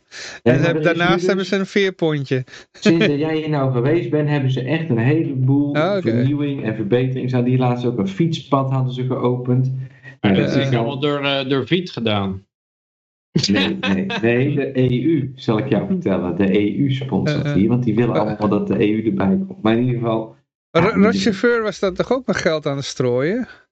Was toch ook van alles aan het kopen, of niet? Ja, ze hebben daar inderdaad heel wat lopen kopen. Ja. ja maar meer, dat is meer ontroerend goed, zeg maar. Nou ja, uh, dat terrein waar ik, op heb waar ik afgesmeten ben. Het filmpje staat op mijn YouTube kanaal. Ja. Uh, daar, uh, dat hebben ze gekocht. Oké, okay, dus zo'n... Dat, is een, dat is een meer aan de Donau ongeveer. Bij dat restaurant, ja... ja ik kan het wel een keer uitleggen. Dat was niet waar jij je haven wilde beginnen, zeg maar? Nee, nee, nee. Oké. Okay.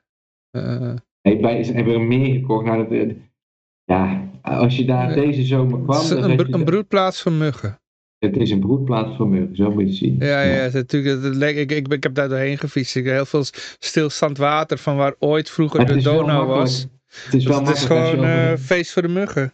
Als je, over heel de, als je over heel de wereld reist en je vertelt over Lieberland, dan zeg je, oh wil je investeren in Lieberland? Ik heb hier een uh, bungalowpark en kun je een bungalow van me kopen? Maar die mensen, die vertel je natuurlijk niet dat er een hoop muggen zitten. Maar ja, dan kun je wel een lekker dure bungalow verkopen. Dus op zich, het loopt allemaal nog wel door met hem. En uh, ik gun het hem van harte. Maar hij, hij, hij zegt allemaal slechte dingen over mij. En dan zegt hij tegen mij... Fit, heb je het over, hè? Ja, ik ga je voor de rechterdagen, zegt hij dan. Nou, dan zeg ik, nou dat is goed. Ik laat me, kom maar op. Maar dat doet hij dan vervolgens niet. Dus op een gegeven moment moet hij dan wel een keer met zijn rechtszaak komen natuurlijk. Want anders dan loopt hij de hele tijd alleen maar slechte dingen over mij te zeggen. En dan kan ik niet dus bewijzen de rechter van Lieberland. Eh, de rechter van Lieberland.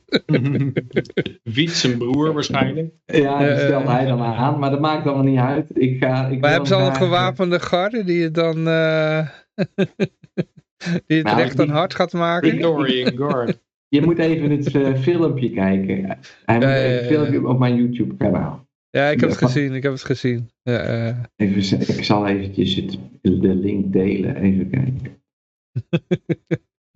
de Lieberland soap. Nou, maar goed, ja. we hadden het over de chauffeurs. Ja, wat, wat ik denk is, ik denk persoonlijk gewoon... Onderschat ik, het niet, Johan. Want, ja, wat, wat? Sorry dat ik weer wat roep. Maar uh, onderschat het niet. Ja, dus, uh, ik heb wel eens een paar van die, van die Lieberlanders, van die, uh, van die companen van Fit gezien. Het waren, ik vond het wel een beetje shady figuren. Ah, je moet, je uh, moet jezelf een beetje tof voor willen doen, soms. Ja, ja, ja. Dus ja, goed. Maar ja, um, en Fit die, heeft nog met mijn drone gevlogen. Wat, wat, wat, wat? Fit heeft nog met mijn drone gevlogen. We hadden een boottochtje in Kiev. Kiev. Oké. Okay. Het boottochtje was hij ook bij. Mm -hmm. Toen probeerde ik mijn uh, drone op die zeilboot binnen te halen. Mm -hmm. En toen zei hij, ah, ik weet precies hoe dat moet, laat mij maar even. en toen... Uh, je drone is nog wel heel? de drone is er nog, ja. dus inderdaad... Uh, Hoeveel wijntjes zat hij op? Uh, volgens mij kan hij beter zuipen als, als, als ik, hè? ja. Nee, maar goed, ja, die chauffeurs, ja, wat ik, maar goed, mijn vermoeden, maar dat had ik al uitgesproken, is dat dat, um, ja, gewoon dat, ze de regels zat zijn. Dat, dat, dat, dat denk ik, uh, want dat maakt het, uh, want ja, die mensen moeten heel vaak internationaal, uh, hoe noem je dat, rijden. En dan, ja, als je bij iedere, iedere grens weer een stok door je neus moet of zo, dat, ja, dan word je en het punt is ook, zat. als die mensen werkten om een om nog een mooie vakantie te kunnen betalen. Dat, ja. dat hoeft ook niet meer, want je, die mooie vakantie is niet meer mogelijk. Want dan moet je ook weer... Uh, ja, uh, maar kijk, die mensen uit Oost-Europa die werken in Nederland omdat ze gewoon geld, uh, het geld daar, ja. wat ze hier in Nederland verdienen, dat is meer, dat, dat, dat, dat dan moeten ze in, in, in, in hun land van herkomst, moeten ze daar vijf keer langer voor werken, zeg maar. Dus ja. Uh, ja. Het is ook al zo, als dat de reden zou zijn, dan gaat het AD dat in ieder geval niet melden, Johan. Dus nee, in dat nee, opzicht nee. kan het wel. Maar het is toch wel algemeen bekend inmiddels. Dus, uh, ja. Nou nee, het is dus algemeen wordt het ontkend. En dat dat er salarisverschillen zijn? Oh, nee, ik had het over mijn punt. Dat als het door de testen en zo zou komen, door de Oh, dat, ja, ja, ja. ja nee, dat, dat zullen ze inderdaad niet zeggen, nee. Uh, uh. Maar ik zag, ik zag wel veel van die Poolse chauffeurs voorbij die helemaal ingepakt waren, joh. En ik denk niet dat dat vrijwillig is. Ik denk dat het echt uh, eisen zijn van de werkgever. Zet je met een mondkapje op en dan nog een scherm voor? Ja, en die werkgever heeft dat alleen maar geëist omdat het van de overheid moet denken. Ja, tuurlijk, ja. Ja. Hoewel Eh, er ook, er ook zijn, eh, er zijn ook mensen die, eh, ja, je kan het haast niet geloven, maar die, eh, ja, ik weet bijvoorbeeld van die club, die Toastmasters Club waar ik naartoe ga, mhm. waren er ook gewoon iets van zes mensen die wilden niet in één ruimte zijn met ongevaccineerden. Dus die, Ja, wilden die heb gewoon je, ja. ongevaccineerden weigeren van de, van de bijeenkomsten. Ja. ja. Ja, nou lijkt, ik, dat, lijkt mij dat een chauffeur, eh dat vanuit de chauffeur minder snel zal komen, zo'n ijs. Maar, ja, Ja, mensen die de hele dag voor de, voor de buis zitten, ja, die zullen snel met dat soort eisen komen, ja. Want die geloven dat hele, hele narrative. Ja. Ja. Ja, alhoewel als je in, in de auto zit natuurlijk, dan hoor je ook de hele dag het nieuws natuurlijk. Ja, Ja, zouden ze daar naar luisteren? Ja, nou ja, ik weet niet. Zouden ze gewoon maar eh, ja, podcast luisteren van Joe Rogan of zo? ik heb geen idee waar de vracht... Volgens mij luisteren ze gewoon allemaal naar Henk Wijngaard. Nog steeds. ja. De vlammende pijpen, dat soort muziek. Ik weet het niet. Ik heb geen idee. Maar ehm, ja, de formatie gaat nog wel eventjes duren. Er is nog geen datum eh, ja, te... er is nog geen datum aan de horizon. Het is echt, eh, ja... Je hebt niet Kijk, het die, die idee gasten dat hebben ze zoveel... nou eh, Huh? enorme haast mee willen maken of zo, hè? Nee, die hebben nou zoveel macht. Maar ja, ik had het nog even in de chat met iemand over. Of in de, in de comments van het bericht met iemand over. En ja, die zei van, eh, nou nee, nou ik, weet, ik weet niet waar het over ging. Maar dat in ieder geval eh, het punt was wat, we maakten, wat ik maakte geloof ik was van... Ja, maar stel dat, dat er wel een formatie komt, weet je wel. Dan is dat heel snel alweer eh voorbij vanwege de, ja, de hele puinhoop die er nu ligt. En dan komt er weer zo'n motie van wantrouwen en al die shit. En dan moeten ze. En dan dan zijn ze weer demissionair, weet je wel. Dus wat maakt het eigenlijk uit? ja. Is de record Ja. al gebroken? Of hebben ze Zijn België al verslagen? Ja, dat is, dat is, eh, in Nederland staat het record binnen in ieder geval deze maand. Ik weet het niet exact de datum, maar het zou kunnen dat het nu verbroken is vandaag. Het wordt- Wanneer was het vorige dan? Ja, dat zul je binnenkort wel in het nieuws lezen. Maar het is, de, de, de komende paar dagen breken ze het record. Oké. Oké, want de filosofie van Peter was namelijk van als we uiteindelijk het record van België breken, dan kan het nog eens heel lang gaan duren. En dan is dit de laatste Nederlandse regering ooit geweest. Ja, Want als het, één dag, als het één dag sneller kan dan wat in België het record is, dan kunnen ze altijd nog zeggen, ja, ja maar kijk, eh, kijk hoe ze het in het zuiden doen. Eh, Als ze daar overheen gaan, dat was de filosofie van Peter, dan, dan, maakt het, nou, dan kan het echt tot eh Sint-Jutemus duren. Want dan, dan hebben ze alle records verbroken en dan, dan doet dat er al niet meer toe. eh, ik heb het idee dat ze dat prima vinden zo, want ze kunnen gewoon alles doen waar ze zin in hebben. En ze kunnen niet meer vallen, want ze zijn al gevallen.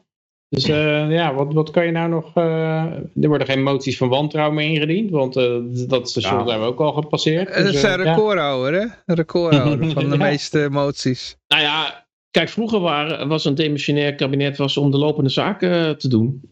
Hè, een soort, soort superconcierge was het. En, en die deden ook niks. Maar ja, nu doen ze de meest extreme dingen die er eh, sinds Adolf Hitler eh, zijn ingevoerd. En, en dat, dus, dus, dus eigenlijk weer een hele nieuwe stijl van demissionair regeren.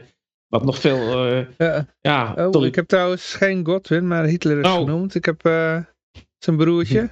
Oh, welke knop was het ook alweer? Adolf Honkler. nee. Hartstikke idee. Ja, hij heeft ook een hoop mensen vermoord. Stalin. ja. Nee, maar goed, ga verder. Eh, wie? Wie? Ja, iemand zat in een verhaal. Volgens mij jij, Jan Mark. Jij zat in een verhaal. Of, of je had je Eh, punt alweer nou gemaakt? Ja, goed, eh, nee, maar ik bedoel, als, als dat dus allemaal mogelijk is, dat ze zulke extreme dingen kunnen doen, demissionair, dan, ja, dan, dan zullen ze het allemaal niet zoveel uitmaken, denk ik. Dan blijven ze dan nee, lekker demissionair een tijdje.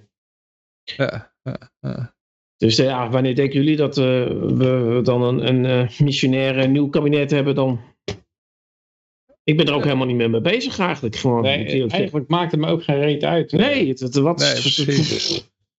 want eh, Nee, volgens mij willen ze ook weer met dezelfde partijen. Dus als we gewoon een demissionair kabinet hebben en we hebben straks weer een missionair kabinet, dan zijn het volgens mij weer dezelfde partijen, toch? Dus Ja, het is weer de ja. ChristenUnie, D66, eh, CDA en VVD wat met elkaar wil, toch? En Ja, als, zie je ze- dus als, ook als al ze er dat niet het heel erg eens uitkomen, zijn. dan, eh, dan wat zijn dan de andere eh, kandidaten die wat kunnen doen?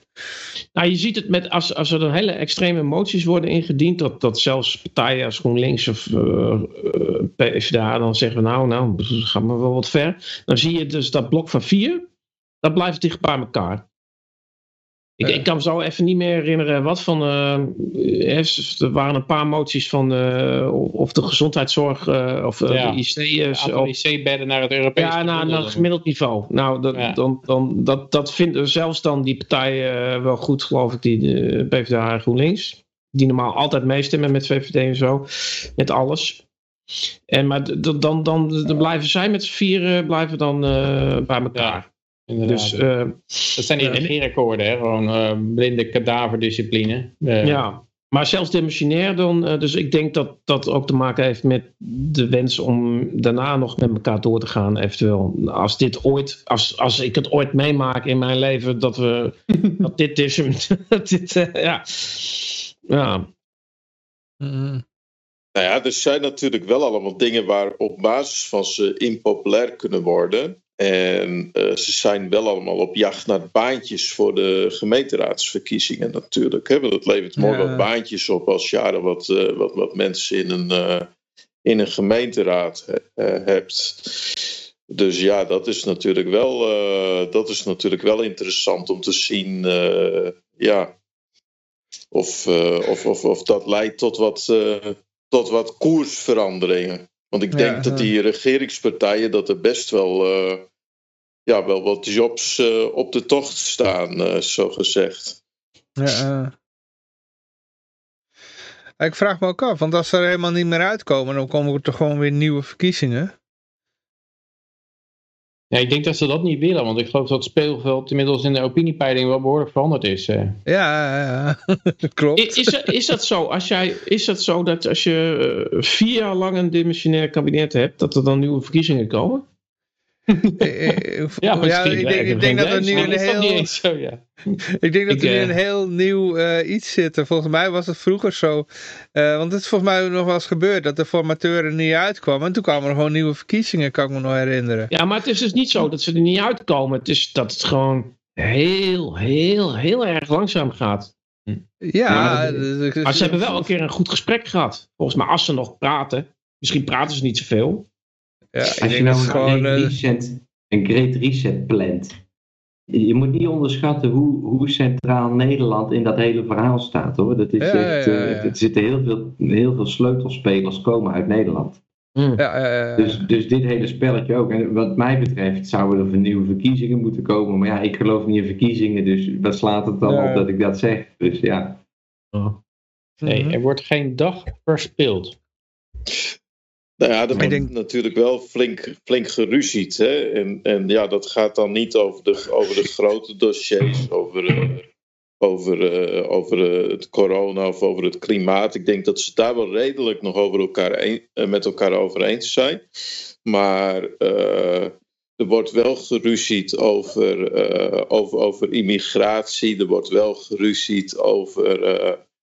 ja, over, Ja, over, over bepaalde ruzie en met ruzie. Ik denk dat het gewoon theater is hoor. Nou, misschien over welke wie op welke positie. Dat ze daar Ja, nog een ja, beetje. ja. Dat, dat is misschien nog. Daar nog. Nou, ik heb, ik heb wel het idee dat dat, dat, hè, dat, dat, dat, dat, dat krijg je natuurlijk meer als er verkiezingen zitten aan te komen. Dat er, eh, ja, dat er hier en daar wel wordt geëmmerd en geruzied. En de macht heeft natuurlijk Eh. ook. eh, ja, dat zie je. Mensen zijn het vaak al- als. eh, dat, dat, dat, dat is met de Taliban ook zo. Hè. De Taliban die was het natuurlijk alle, allemaal met elkaar eens toen ze de toen ze de Amerikanen het land uit, eh, uitjaagden. Maar nu ze, nu ze moeten regeren, ja, dan is het natuurlijk eh, verdeeldheid. En ik zie, ja... De bevolking vlucht ook weg. Dat is ook een beetje raar. Ze hebben straks een lege land. Iedereen probeert weg te komen. Ja, ja. ik denk dat de Taliban heeft denk ik wel wat meer ethiek dan, eh, dan dat die, die gasten daar in Den Haag. Ik denk ethiek verdwijnt altijd zodra er macht eh, aan, eh, de orde is. principes, die Taliban. Ja, die hebben dan denk ik nog wel idealen en zo. Ik geloof niet in geen reet van dat, dat de Rutte en, en Ja, maar en dat verdwijnt allemaal sneeuw. Ja, Mark, dat verdwijnt allemaal sneeuw voor de, sto- voor de zon wanneer er sprake is van macht. Ja, ik denk dat, dat, Rutte dat, de Taliban ook kan afzakken naar het niveau van Rutte. En, ja, en, tuurlijk. Zodra ze macht nou. hebben. En hebben, ze hebben een land met heel veel grondstoffen. Ja. Nou, ja. Eén ding was wel interessant trouwens. Eh, het, het, eh, het, het OMT van de Taliban, die zei eh, uh, stokslagen zweepslagen, dat, dat, ja, dat, dat, dat, dat, dat, dat is wel ethisch, want in het buitenland doen ze dat ook. Nou, de dat hebben doet het natuurlijk jarenlang meegemaakt natuurlijk. Ja, hè. inderdaad. Dat, het wappie Al dat die is in Amerikanen. Nederland, hè. Nederlandse demonstraties gekeken in Amsterdam. Ja. Ja. Het is inderdaad te debatteren. Hakt hij die nou zijn hand af of niet? Nou, volgens mij was het alleen een stokslag. En wat denk je dat die Amerikanen wel gedaan hebben toen ze daar zaten? Was het niet alleen maar waterboren hoor. Mhm. Wat, wat denken jullie trouwens van... In, in Nederland is ook zo'n Taliban-vechter. hè? Die, eh, hoe heet die ook alweer? Die ex-PVV'er. eh, die, die, die, die met Rut op de, op de sportschool wilde. Eh, Ja, ik weet wie je bedoelt. Ja, ik weet niet hoe die heet. Maar, eh, ja, ja, maar die, eh, die, die is heel erg voor de Taliban. Maar denk, denk, denken jullie dat die Rutte wilde vermoorden, ja of nee? Wat denken jullie? nee, Oh. joh, nee, nee, nee. Oké. Ja, ik, ik, ik volg hem niet zo, maar ik heb wel eens wat over hem gelezen. Maar in de, in de media wordt hij helemaal zwart gemaakt. En dan had ik wel alternatieve media, daar, daar hadden ze dat weer een beetje gedebunked. Dus, Mhm. eh, dat het gewoon een framing was. Oké. Maar goed, het is maar een ook maar een mening. Hè. Ik ben geen expert, ik lul maar iemand na. Dus. Mhm. ja. Wat is nu goede alternatieve media, los van Vrijheid Radio? Waar, waar moeten we naar kijken en luisteren? Ja. Vier voor Valentine, nee. Natuurlijk. ik heb, eh ik, ik, Luc Rudowski vind ik wel goed. En We, We Are Change. Ehm, ja, god, wat kijk ik nog meer, joh. Ik, eh, ik, ik, ik kijk heel veel. En, eh, ik, ik, ik- ja, ik, ik kan even... Nee, en als je, als je het zo vraagt, dan vergeet ik ze allemaal. Ja, ja. Het gaat toch wel regelmatig over Demming? Dat gaat eigenlijk iedere keer toch over Demming, of niet? Of wel Welke? Wie, waar, waar heb je het over? Eh, Demming. We Eh, are change, we are change. Nee, nee, nee, nee, ik heb nog nooit over Demming ho- horen praten. Maar het is dat- Luc Oh. Rudowski. Dat is eh, Ja. We Are Change, de Amerikaan. Ja, volgens mij heb je inderdaad in Nederland ook iemand die zich zo noemt. Maar de, ik heb het over de Ah. Amerikaanse, de, de oorspronkelijke. Ah, duidelijk, duidelijk. Ja, Ja, ja. Het is de, van eh Luc Rudowski. Ja. Eh, Ja, bij dit soort dingen, je weet, je weet toch niet wat er gebeurt. Ja, wilde die vent iemand echt vermoorden of niet? Ik weet het niet. Ik heb wel eens het idee dat als er nog hoop is in Nederland, dan moet het van, eh, van de Hmm. extreme moslims kopen. komen. die, die kunnen tenminste een regime verwijderen. Voor de rest, eh, dat- er Nederlanders ooit nog een keer een regime verwijderen, dat zie ik niet gebeuren. Die laten zich gewoon mak afvoeren. Ik denk dat er wel een paar miljoen mensen zijn die Rutte willen vermoorden. Maar ja, goed, eh, je zit natuurlijk van, dan kom je niet meer weg. Het feit dat hij nog leeft, dat zegt al genoeg, toch? Ik denk dat die heel goed wordt beschermd. Ja, hij zit Ja. op de fiets af en toe. Ja, maar wat fietst Ja, er met omheen? met- met- met hele zo'n, hoorde eh, mensen met zo'n met blaaspijpje kan je hem zo'n eh, vaccin in zijn nek schuiven. Hij, komt, hij, komt, hij komt nooit voor mijn bus. Hij komt nooit met zijn fiets voor mijn bus. Dan had je het zeker, want anders eh, had er Ja, maar ziet, kijk, kijk, Peter, je ziet een foto van hem op een fiets. Sowieso Ja, is al jaren geleden genomen, die Ja. foto. Maar de, eh, je, je ziet niet dat als hij daar fietst, dat er dan een hele horde mensen met oortjes daar om hem heen lopen. Hè? Ja, dat was toch ook met die, die Ja. Buttigieg, die, die eh, Amerikaanse minister van, weet ik veel, Milieu, die had dan zogenaamd, kan- ging hij met zijn fiets naar zijn werk. Maar toen had iemand gefilmd dat hij vlak om de hoek van het eh, Witte Huis had hij dan een, werd hij uit een SUV gezet met een fiets erbij. En al de laatste 100 meter fietste hij dan. Maar ja, Ja. dat, staat nu niet zo stoer als, eh, als dat gefilmd is. Dat eh dat eigenlijk gewoon met een, eh, met een eh, horde SUV's gebracht wordt. Of Het was voor het wegen, wegen het milieu of zo. Hij zat in ieder geval weer een stunt uit te halen. Maar ja, tegenwoordig overal camera's natuurlijk. Dus dat is wel even linken. Ja, eh, Ah, ik weet, ik, ik heb toevallig via, via, via, via, via, via, via, via eh, gehoord dat iemand die was toevallig in het bij het straatje waar eh, eh, Mark Rutte woont. En die zei, ja, de, de straat sowieso is helemaal afgezet. dus je, je, komt niet eens zomaar in de straat waar Mark Rutte woont. Dus ja. Mm. Het zijn allemaal mensen met oortjes. En als je daarin wil lopen, wat, wat, wilt, u, wilt u hier doen? Ik Dan zeg, hier. je, ja, dan zeg je van, Ja. nou ja, ik wil jullie gewoon lopen, want dit is toch een publiek eh, straat, daar hebben we toch belasting voor eh, betaald, maar ja, dat mag dan niet. Hè? Nee. Nou, die Biden heeft het nog slimmer. Die heeft gewoon in zijn eigen verzorgingstehuis gewoon een White House gebouwd. En nog een keer? Daar- die, die, die Biden heeft gewoon in zijn eigen verzorgingstehuizen, wat het maar is, heeft hij zijn White House eh, laten bouwen. gebouwd, ja. decor. Dus die kan gewoon met zijn met zijn rollator en zijn tenen lady, kan hij daar naartoe lopen. En, eh, en dan, dan, dan Eh, is hij eh, er al. Ja, ja, ja. Maar we gaan nu even naar het eh, COVID-nieuws toe. Ja, we hebben een heel zootje COVID-nieuws. Eh begin even goed met een bordeel. Ja, je kan nou ook neuken voor je fax. Een fax Ja. met een V, hè, niet met een F. Eerst spuiten en dan mag je spuiten. ja, ja. Wordt Spuiten ergens mee spuiten. ingespoten en dan mag je iemand inspuiten. Ja, of Maar ik heb begrepen dat je nadat je bent gevaccineerd, dat je niet al te veel mag inspannen, toch? Je mag niet eh, direct zware sport. eh, Nee, Ja, nee, nee, nee, nee, daar gaan we Dus je zo nog moet, over eerst, hebben. je moet eerst neuken en dan vaccin doen. Nou ja, Ik denk dat dat het is, ja. of gewoon van tevoren afrekenen. Dat als je een eh, hartattack krijgt, weet je wel, dat er wel getikt is. Ja. dan zeg je na het neuken, nou, ik heb het toch bedacht. Ga weg met die spuit. Ja. Maar ja, goed, als ze dan toch, eh, als iemand dan toch zich wil laten vaccineren, waar moet je dan wezen? Waar, waar is het bordeel? Maar het is toch raar, het is toch pas na een, een aantal dagen dat, dat, eh, dat je dan zeg maar zogenaamd beschermd bent door dat vaccin. Maar je mag gelijk neuken. Dus niet, niet twee weken later, maar je, je zet die spuit erin en je mag hem gelijk hoppakee. Maar wel met een mondkapje dan, denk ik. Ik zag een leuke verklaring van een Pfizer-dokter. Die had voor Pfizer in ieder geval gewerkt. En die kan ik ook erg aanraden als er nog iemand naar alternatieve media, die verklaring. Want er zijn heel veel dingetjes die niet kloppen in het beleid. En dat wilde die eh, uitwijzen. Dus de- dat is waarom dat ik nou even reageer.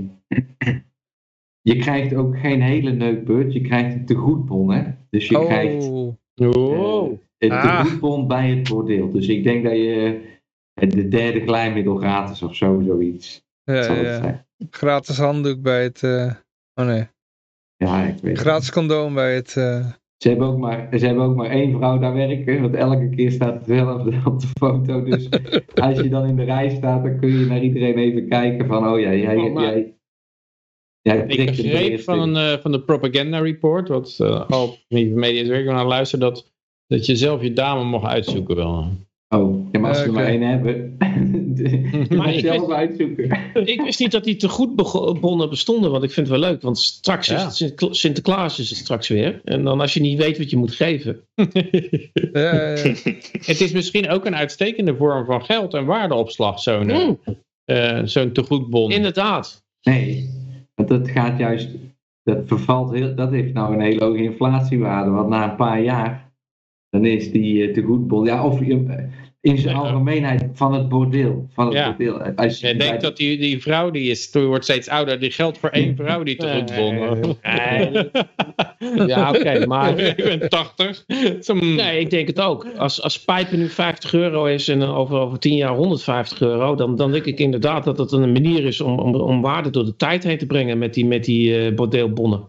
Ja.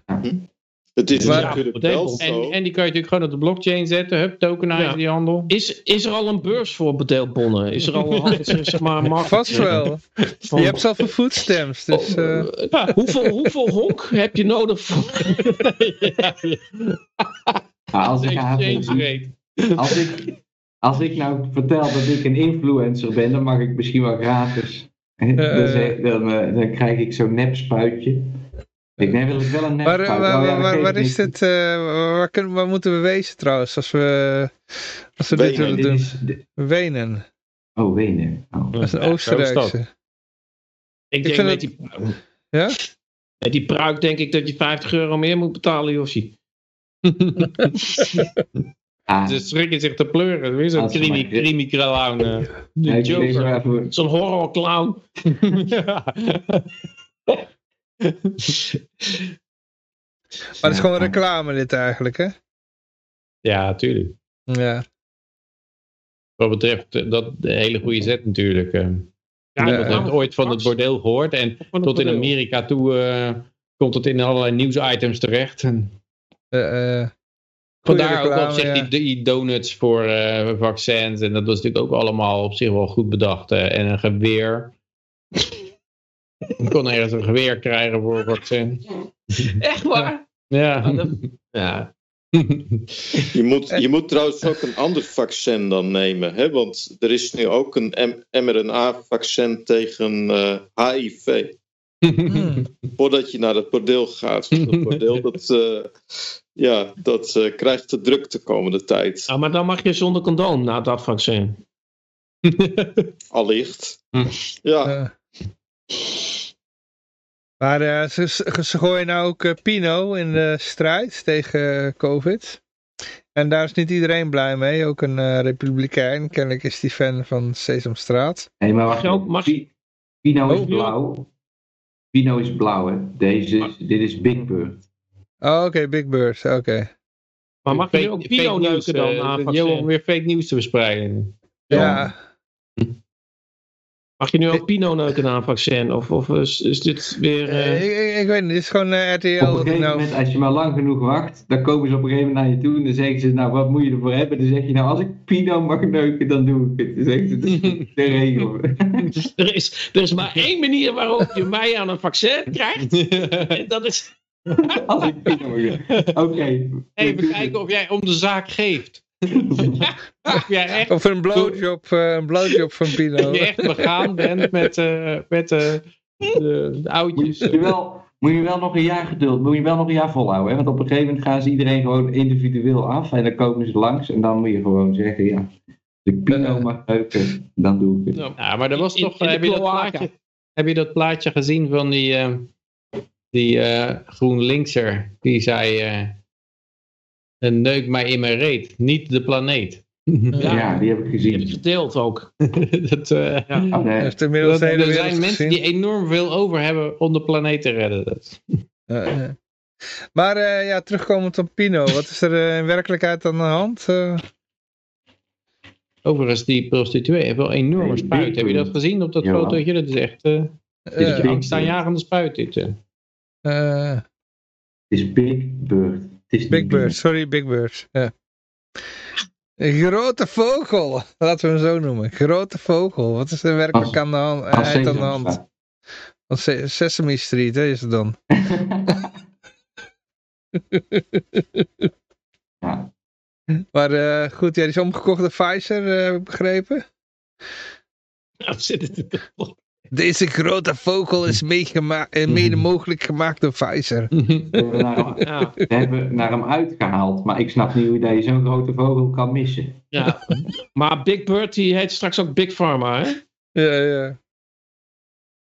Ja, het is, eh, het is wel ja, het laagste van het laagste dat we gewoon naar Sesamstraat toe gaan om, om kinderen te, over te halen, om die rotzooi te spuiten. Het is, eh, de, ik bedoel, het, eigenlijk zitten we op het niveau van een gemiddelde drugspusher. Die, Ja. eh, die gewoon eh, ja, IJsjes ook bij de verkoopt. school staat te loeren om, eh, om zijn heroïne te slijten of zo. Met zijn ijskokar zin- bij de school gaat staan. Ja. In zekere zin trek ik me altijd alles hartstikke veel aan en zo, maar ik probeer het ook steeds meer van me af te, te gooien. Eh, maar wat me wel heel erg triggerde, was toen Hugo de Jonge voor die kinderen, voor het jeugdjournaal, ging vertellen van ja, want anders gaat je oma dood. Als je dit niet doet, dan Oh, dan gaat je oma dood. En Ja. toen werd ik wel, eh, je, je, ik heb allerlei liedjes heb ik ook voorbij zien komen van klappen ze in je handjes en neem een prik en zo. daar kan ik dan nog net wel tegen. Maar ja, het wordt ook heel vaak op heel veel manieren eh, eh, gedaan. Ik heb een, ook een artikel gelezen van een moeder die zei: Het eerste woordje van mijn baby was mondmasker. Ja, dat, maar in het Engels dan, hè, dus gewoon mask. Maar ja, dus. Het is, het is ergens wel lachen, toch? Sesamstraat wordt u aangeboden door AstraZeneca. Ja, ja precies. Ja. Ja, maar dat staat er dan weer niet bij. Het is wel, dus het is wel, het is wel lachen. transparant. Als er niet zoveel mensen dood zouden gaan, dan was het wel grappig. Maar ja, het lijkt er toch behoorlijk op dat, uh, dat de bijwerkingen uh, na elke prik een beetje meer doen. En uh, nou ja, goed, we zullen zien wanneer dat de rest het ook door heeft. Het zal wel weer ja. zijn wat ik zomaar roep. Maar... Hugo, daar... heeft, Hugo, heeft dat gezegd trouwens, hè? Dat, dat, dat, dat na elke prik de bijwerkingen toenemen. Nee, ja, precies. Dus dat is ook allemaal te verwachten. Dus dat is hartstikke normaal. We gaan er gewoon lekker mee uh, door. Ik, ik, ik, kan me nog herinneren dat ik zo'n filmpje voorbij is gekomen van... Uh, volgens mij komt het ook gewoon van een uh, NPO-programma. Want er staat zo'n logootje in de, in de rechterboven, linkerbovenhoek. Maar, um, waarin een ambtenaar werd geïnterviewd. En dat ging dan over die spuiten die ze dan wilden uitdelen aan kinderen. En toen werd er gezegd van... Ja, maar er is toch gebleken dat... Of nee, die, die, die ambtenaar die zat gewoon doodleuk te vertellen van ja, oké, wij weten, het is bij ons bekend dat er uh, meer kinderen doodgaan. Door zo'n door zo'n prik, door hart, wat was het, hartspierontsteking. En, Myocarditis. Ja, maar dat is een overweging die we maken. En, oh ja, en in, in verband met dat, dat de, de levens die mee gered worden, is kleiner dan de, uh, de kinderen die dan doodgaan aan zo'n hartspieren dingen. Dus dat, uh, die zat er gewoon doodleuk te vertellen. Maar ja, het is een overweging die we hebben genomen. Er werd er dan aan toegevoegd. Dus we gaan het gewoon doen. Ja, dat is makkelijk. De... de beslissing die we hebben genomen. Ja, kun, kun, je het geluidsfragment van Hugo de Jonge er even doorheen spelen, Johan? Oeh, dat is een nou, beetje lastig. Technisch hoogstandje lastig. gevraagd hier. Ja, nee, dat, kan, dat lukt, lukt, op dit moment nog niet. Nee, nee. Ai, jammer. Ja, ja, jammer. Nou, maar in kan je het niet gewoon... Volgens mij kan ik het wel, kan ik dat niet doen, bijvoorbeeld. Als ik ja, nou... maar we moeten via jouw uh, geluidsbron ja. even erin. Ja, het belangrijkste punt is, is al genoemd van, van dat. Uh, ja. Hij heeft dat inderdaad gezegd. Het is te vinden op YouTube voor mensen die het niet geloven. Ja, ik denk dat ze dat ook aan het voorbereiden zijn. Er was dan een hoop doden gaan komen. Net zoals met die griep. Ja, de griep kan dit jaar wel eens extra dodelijk zijn. Nou, er vallen een hele hoop mensen dood neer. Zeggen, oh ja, dat heb ik al gehoord. Ja, dat was er voorspeld. Dat was de griep, ja. Maar ook door hartevallen, hè? Je kon er ook uh, hartevallen krijgen. Ja, griep krijg je helemaal hartevallen van, ja. Dus als er een staking komt in hartevallen, dan komt het... Uh... En uh, Bell's palsy, dat je gezicht scheef gaat hangen. En uh, bloedklonters, krijg je ook allemaal van de griep. Dat komt niet door het vaccin, hè? Oh, nee. Nee, nee, nee. hey, dan ben je wappie als je dat zegt. Ja. Ja, maar... Uh, maar kijk, nu is Hugo de Jonge toch ook wel een beetje wappie, nu hij dat zelf ook zegt, toch? Als hij het zegt, is het niet zo, hè? nee, dan is het juist, ben je een wappie als je tegenovergestelde. Ja, ja, ja. De anti-wappie, Hugo. Ja. ja, ja, maar waarom is hij zo tegen die boostershots? Hij, hij wil natuurlijk, hij heeft volgens mij, want hij is ook naar Oostenrijk geweest om uh, of of daar, daar probeert hij doorheen te krijgen dat je met één, uh, één uh, shot van, um, van Johnson Johnson, dat je dan mag dansen of skiën. dat, dat bericht komt nog, hè? Ja, die kan, komt zo meteen inderdaad, ja. Oh, ja, dat, daar maakte zich nou erg zorgen over dat dat niet helemaal klopt, ja. Oh, dat is trouwens het, inderdaad het volgende bericht ook. Nou ja, laten we dat meteen gaan ja, uh, doorzetten. Ja. Mooi zo. Ja, ja komt ie hoor jongens. Komt ie, komt ie. Nederland gaat uh, proberen Oostenrijkse uh, coronaregels te versoepelen. Ja. Ja, nou ja, Oostenrijk had aangeboden dat die mensen die konden daar nog een boostershot nemen in Oostenrijk. Dat had ik nog genomen. Want met Jansen kon je daar niet gaan skiën. dat is besloten. Mm -hmm. En uh, dus ja, na dansen met Jansen, wat niet doorging, is het nu ook uh, niet skiën met Jansen. Dus na, na de Summer of Love die uh, niet doorging, is nou ook de, de Rutsch in Tirol. ja, die, die is weg. Maar dan, ja, Hugo had erover geklaagd. En als tegemoetkoming zeiden ze nou, dan kun je ook gelijk over de grens bij ons een boostershot pakken. Wat op zich ook vreemd is, want, want dan geldt ook weer, zeggen ze zelf, dat het een aantal dagen duurt of twee weken voordat het uh, werkzaam is. Maar na de boostershot kun je wel gelijk uh, van de berg af, volgens mij. Is het idee. Het, het, het, alleen na die boostershot ben je wel een paar dagen compleet ziek. Uh. Ja, dan moet je in zo'n banaan van de... Van de, van de... ja, ja, ja. Waarschijnlijk ski je dan tegen een boom aan, keihard, een beetje à la Schumacher.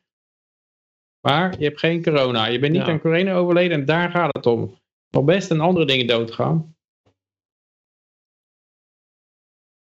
Wow, en hotels horen er ook bij, joh. Dat wist ik helemaal niet. Nou, Oostenrijk zijn ze best eh, streng, hoor. En ze zitten al op de 2G, geloof ik, hè? Daar. Of dat gaan ze doen. Ja, geloof het ook, ja. Jezus. Dus ja. Ja. Nou, in Frankrijk ondertussen, daar is uh, ja, Franse 65-plussers moeten boosterprik uh, halen voor de boosterprik halen voor uh, ge voor geldig blijvende coronapas. Ja. Ja. ja. ja. we doen het voor de ouderen, maar die ouderen die, die, die zitten we nu als eerste buitenspel. Ze mogen dan niet het OV in, hè? Er zijn er niet genoeg doodgeraden. Ik moet even een boosterprik erbij. Nou, ja, het pensioenfonds is nog niet dekkend, denk ik. Nee. Ah, ze zullen die leeftijd laten zakken, toch? Dat doen ze eerst de 75-plussers. Ja. Dan... Maar jongens, ze mogen er niet het OV in. Maar als je dan in zo'n dorpje woont, ergens in de middle of nowhere, weet je wel. En je bent te oud om nog te, te rijden, weet je wel. Met je staar hebt en dat soort dingen. Um, ja, hoe moet je dan die prik halen? die komt vast bij je langs, die prik. Ja. Maar wilden, met, met blow darts wilden ze toch in Amerika, zo'n blaaspijp en dan een vaccin erin en dan uh, wilden ze zwarte mee gaan uh, die, die er geen zin in hadden. Dan gingen ze besluipen van achter en dan flotsch, heb, zo in de nek. maar dat is dan niet, dat is niet racistisch dan. Hè? Nee. Ja. Maar goed, zo gaat het in Frankrijk in ieder geval. Ik hoorde overigens wel een praktijkberichtje van iemand die ongevaccineerd toch door Frankrijk reed en ook naar restaurants ging en zo. En uh, ja, ik kwam er wel al vaker, dus hij kende die mensen ook wel, maar dan vroegen ze aan hem, ja, kan je gewoon even je telefoon omhoog houden, want aan de overkant van de straat zit een oud vrouwtje en die zit dan te gluren of er wel gecontroleerd wordt. Dus dan moet je alleen even je telefoon omhoog houden en dan, dan ziet het er goed uit. ja. En zo gaat het hier ook, denk ik. Ik weet het niet helemaal, zo klinkt het wel een beetje. Weet je, iedereen weet het. En op de dag dat er dan zo'n nieuwe regel wordt ingevoerd, dan staat er ineens een heel politieleger overal op de straat. Dan denk je jezelf, wat is er aan de hand, joh? En dan vraag ik dan aan, dan kom ik bij een vriend van mij en zeg ik, joh, heel de straat staat vol met politie. Zeggen ze, ja, het is, vandaag is die nieuwe coronaregel ingegaan. Oh, oké. Nou, dan hebben ze één dag iedereen op straat, dan weet iedereen van, oh, vanaf vandaag geldt er iets anders. En dan daarna is het weer, ja, ik weet het ook niet. Waar halen ze dan die politiemacht, eh, die, die legermacht vandaan? Hè? Want kennelijk hebben ze... Nee, maar dan zetten ze gewoon heel even intimiderend neer dat iedereen die, die in zo'n gebied komt, gewoon het centrum zeg maar, staat dan een politieagent. Op elke hoek van de straat staat ineens een politieagent. En dan denk je, wat doen dan die politieagent hier nou? En dan is dat de dag dat er een nieuwe regeling gaat. En dan ziet iedereen een politieagent en dan weten ze van, oh, vandaag gaat er een nieuwe regeling. Maar, waar halen ze die agenten vandaan? Want ze, gewoon een uitzendbureau. Ze kunnen niet elke, elke dag kunnen ze daar geen leger neerzetten. Dus die zitten dan in kazernes of zo. Of concentreren ze die? Dat ze die uit de, uit de hele, wijk, bij, hele land bij elkaar halen en allemaal in één stad zetten. En dan daarna ja, dus op, op het moment dat die nieuwe regel ingaat, dan doen ze die op zo'n manier inzetten dat ze heel zichtbaar zijn voor iedereen. Op een manier dat het eigenlijk heel ze doen niks, maar ze houden dan ineens een soort van toezicht. Staat er overal, staat er op elke hoek ineens een politieagent. En het ziet er dan heel raar uit. Uh, maar dat geeft een soort, dat geeft dan wel heel duidelijk aan van we hebben nou een regel ingesteld die ervoor moet zorgen dat iedereen... Ja, dus Josje, jij bedoelt waar, waar komen al die politieagenten vandaan? Die werken er al, alleen die staan normaal niet zo zichtbaar. Die zitten normaal in, in, het bureau een beetje bonnetjes te verwerken. Ja, bijvoorbeeld. En zeggen ze, nou, iedereen moet even de straat op. En dan staan ze ineens allemaal in, in uniform uh, iets, iets te doen waarvan niemand het weet. Bijvoorbeeld. En dat geeft dan een, ja... Uh, ja, ik weet het zelf ook. Ik ben bij de politie binnen geweest. Ik bedoel, de, de, meeste agenten die zitten in het gebouw. Die zitten alleen maar bonnetjes te verwerken. En, uh, en, en, ja, het, het, het, de rest, een klein beetje, dat loopt op straat, zeg maar. Dus, Hier, ik ja. moet ook zeggen dat er sinds een tijdje is er nu om vijf uur s middags een mars. Elke middag een mars. Als je wil meelopen, dan kun je mars lopen tegen de coronaregels. En dat is gewoon een rondje rond de stad en dan sla je op een pan. En dan, oh, dus ze hebben daar ook protesten. Ja, ja, maar dat is gewoon een heel vreedzaam rondje. Wat, het, wat zegt van wij willen dit niet. En dat is al met, ja, dit hebben ze Maar hebben de mensen er echt last van, van die regels? Of, uh... Nee, want ze worden net als de andere regels, we kunnen ze niet zo goed handhaven als in Nederland. Uh, dus er is veel minder controle mogelijk. Er zijn geen 5000 BOA's bovenop de tienduizenden politieagenten. Uh, dus ja, die boa's, ja, het zijn ook... Uh, het, de politie is al mafouché en dan de, de boa's is nog een, graadje lager eigenlijk. Ik, heb, ik, las letterlijk uh, in de krant, ik, volgens mij hebben we dat bericht nog behandeld. Dat gewoon iemand van de sociale werkplaats was gerukt en die was gewoon boa geworden. Die kwam gewoon van de sociale werkplaats. Ja. ja, maar BOA's worden ook ingezet bij evenementen. Vroeger werd dat een evenementenberoep, zeg maar. En dan stond jij gewoon toezicht te houden op een hele groep mensen. En als er iets gebeurde, dan. Ja, je had uh, de autoriteit om bonnetjes uit te schrijven. Dat, dat, dat, is het in feite. Dus je bent gewoon een conducteur eigenlijk. Ja. Uh, ja. ja. Ja, dus je mag geen wapen dragen, maar je mag wel een, uh, een boete uitschrijven moet je gewoon een beetje verantwoordelijk gedragen. Je mag het gewoon gezellig hebben tijdens je werk. Zeg maar. Je hoeft je niet, uh, ja.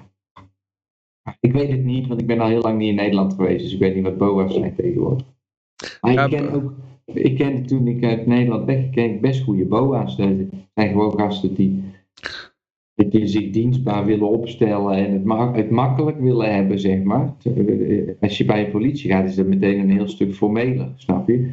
Als jij op een festivalterrein een beetje kan toezien op wat er gebeurt. En je hoeft eigenlijk niks te doen, alleen maar toe te zien. Dat is toch een leuk beroep. Ja, ja, ja, Kijk, als je op een gegeven moment door het park moet gaan lopen en mensen die hand in hand lopen een boete moet gaan geven, dan is het wel iets anders aan het worden. En daar heb je dan niet over nagedacht. Maar... Ja, kijk, bij de politie, als je bijvoorbeeld een drugsverslaving hebt, dan is de politie natuurlijk een ideaal beroep. En dan kan je gewoon heel makkelijk bij die in beslag, beslag genomen drugs komen, ja. Toch? ja. Maar goed, uh, even kijken hoor. Van uh, Boeing tot Mercedes. Een Amerikaanse uh, arbeiders... Wacht kijken hoor. De Amerikaanse... Ah, oh ja, Amerikaanse arbeidersopstand zwaait aan, zwelt aan over de vaccin... Van Boeing tot Mercedes en ja. Verenigde Staten arbeidersrebellie zwelt aan over de max, uh, vaccinverplichtingen, verplichte vaccins. Dus uh, ja, een heleboel bedrijven waar de, waar de werkers uh, dat niet zien zitten, dit mandate. Denk allemaal Het is natuurlijk wel raar, want, want, Biden is eigenlijk altijd de, de partij van de, van, de, van de vakbonden en zo. En nou gaat hij allemaal dingen opleggen waar ze eigenlijk geen zin in hebben. En, dan, en dan, ik denk dat dat ook weer zo'n geval is dat je dan pas ziet hoe weinig die vakbonden dan eigenlijk te vertellen hebben. Ja. Net zoals als dat eigenlijk bij de februari staking in, bij de nazi's was. Uh, het lijkt allemaal heel machtig, maar dat was eigenlijk alleen maar omdat ze precies deden vroeger wat de overheid toch al wilde. En dat is met die met grote bedrijven ook zo. De mensen blijven altijd denken dat die, dat die uh, big corporations de overheid in hun zak hebben. En dat, lijkt, dat is alleen maar zo omdat ze meestal vragen om dingen, zoals regulering en zo, waar de overheid toch wel naartoe wil. En uh, zodra ze daarmee ophouden, dan is het gelijk gedaan met hun invloed. Want het geld van die bedrijven hebben ze eigenlijk niet nodig. Ja, natuurlijk stoppen die grote bedrijven een hoop geld in de partijkassen. Maar die overheden kunnen op een gegeven moment, als jij als je de, de narratief helemaal beheerst en de deep state, dan, dan kan je je eigen geld drukken. Waarvoor zou je dan op de naties uh, zitten te wachten? Uh -huh. Ja, precies. Ik vind het ook wel grappig, want ik, ik, ik weet niet of Jimmy Dore kent. Amerikaanse ja. komiek. Die komt helemaal eigenlijk echt uit de linkse hoek. Hè? De, de, wat, wat in Nederland de SP zou zijn. Die, het, is, het, is, eigenlijk een komiek, hè, maar hij is heel links. Blue, blue collar uh, figuur, zeg maar.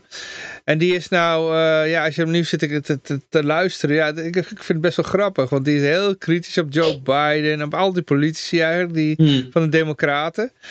Je zou bijna, als je hem zo hoort praten, zou je bijna denken van, oké, okay, dat is iemand van ons kamp. Maar, maar die is, uh, ja, die is, die is echt heel, ja, die loopt het hele beleid af te kraken, weet je wel. En dat is echt een zo'n socialist. Dus dat is, ik vind het wel grappig als ik dat zo, als ik hem zo hoor. Dus ja. Dus, maar dat, dat geeft wel het geluid weer van de, van, van de gewone arbeider, weet je wel. Daar. Hm. Ja. Dus die, die zien die Biden gewoon inderdaad helemaal niet zitten. Dat is, uh... Populariteit is wel helemaal gekelderd. En Biden ja. die, die, begon nou opeens te zeggen... ja, de inflatie moeten we echt wat aan doen. Het wordt nou topprioriteit om inflatie te bestrijden. Maar ja, de benzineprijzen vliegen natuurlijk het dak uit. En aan de andere kant is die global warming uh, fan. Dus wil die de oliebedrijven helemaal op de nek omdraaien. Ja, ja. Ja, dan ga je natuurlijk niet de inflatie omlaag krijgen als je, als je business helemaal uh, de nek omdraait met hoge belastingen. En ja, dus dat, uh, dit is een holle kreet. Die, die, inflatie gaat hij niet onder controle krijgen. En hij wordt, uh, hij wordt steeds impopulairder. En het rare is ook dat Kamala Harris is de meest impopulaire vicepresident ooit. dus dat had ik ook niet kunnen inschatten dat dat zo erg was.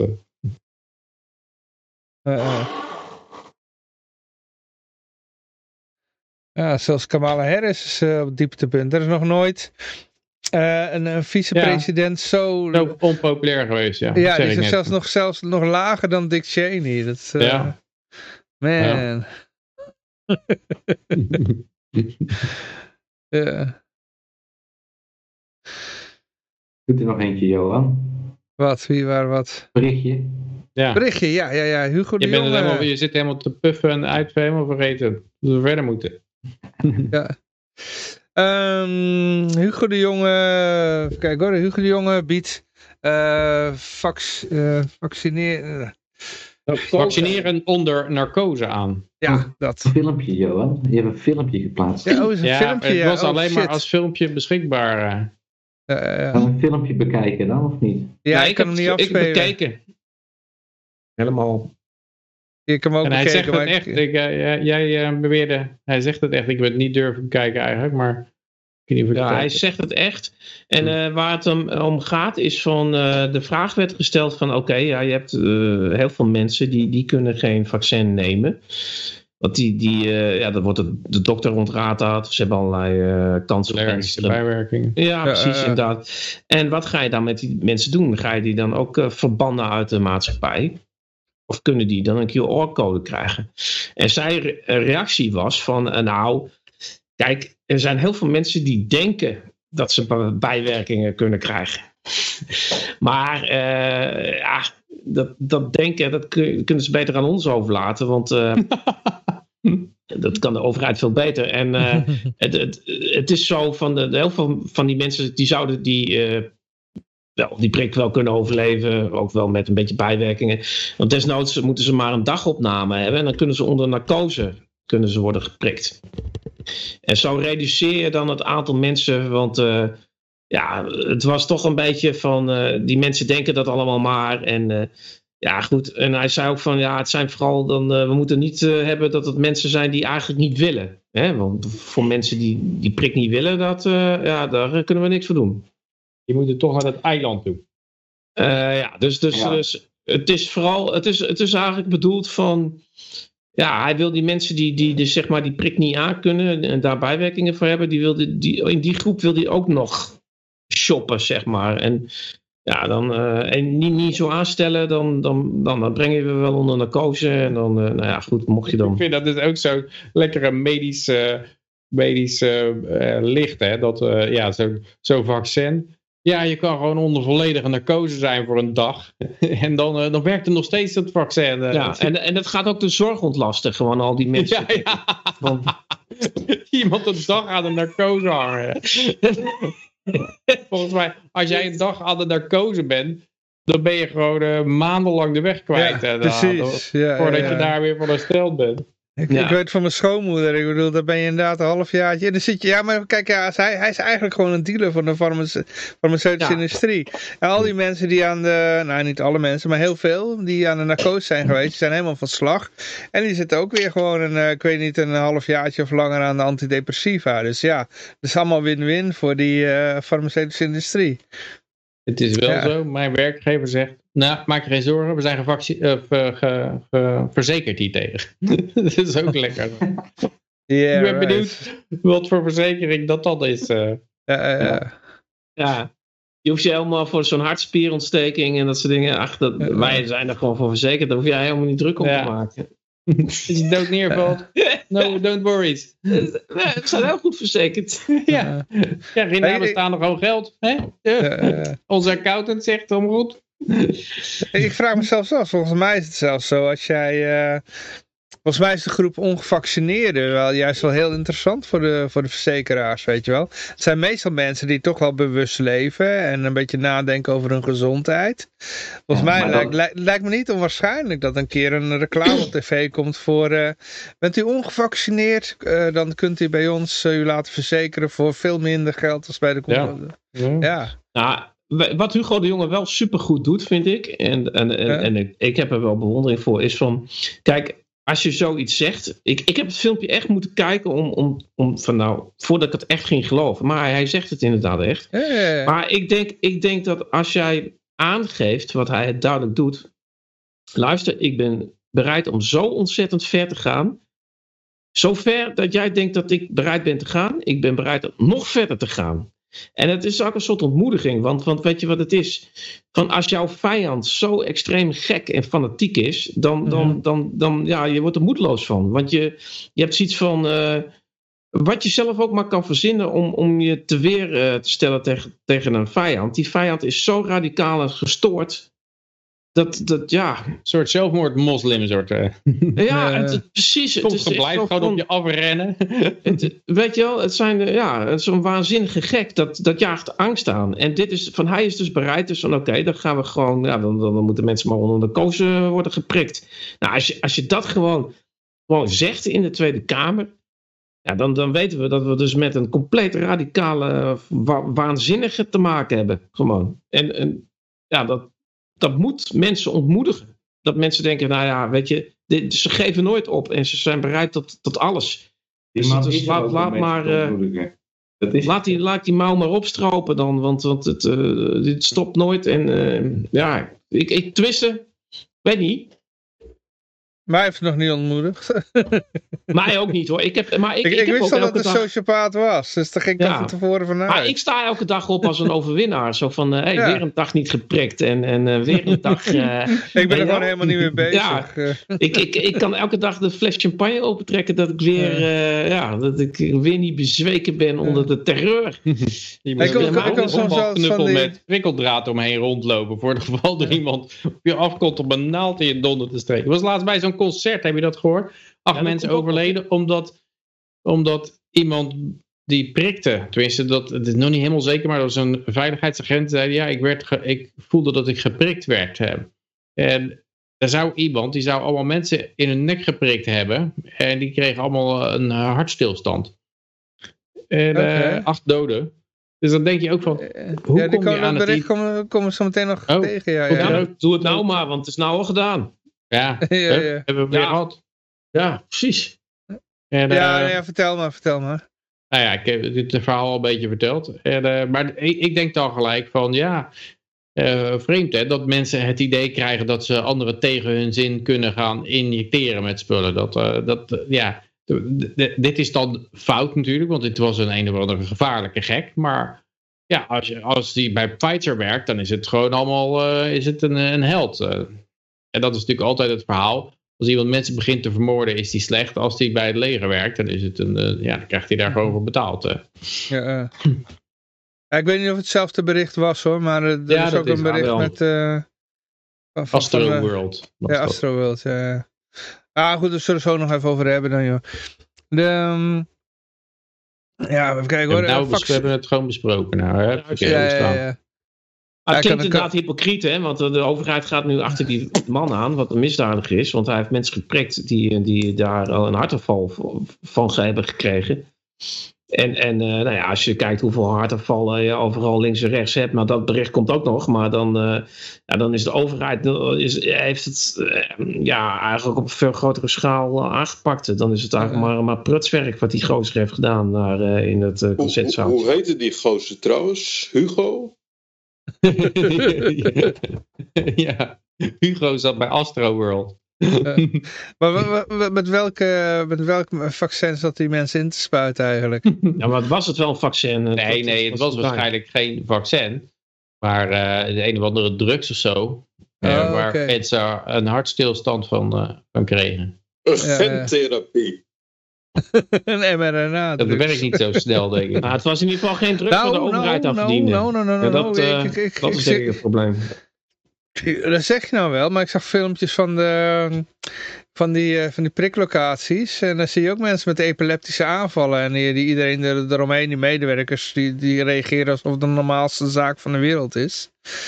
Maar eh, je ziet ze allemaal daar stuiteren op de grond hoor. Ja, ja ik, ik zag er een van eh, in, in Limburg. Had je, dat, had je die gezien? Die, had inderdaad, die bleef enorm, enorm doorschokken. En, en er zaten Ja, mensen met een mondkapje, die zaten ja, een beetje ja, quasi ongeïnteresseerd. Keken even om hem heen. Maar die, die, ik, weet niet, ik wist niet of die de prik nog moesten nemen of dat ze hem al hadden gehad. Maar eh, ja, ja als je dan in de lijn staat en je ziet dat voor je neus gebeuren, dan ja, blijf je dan in, in die lijn staan. Het, het is ook een beetje, het is wel, eh, ja...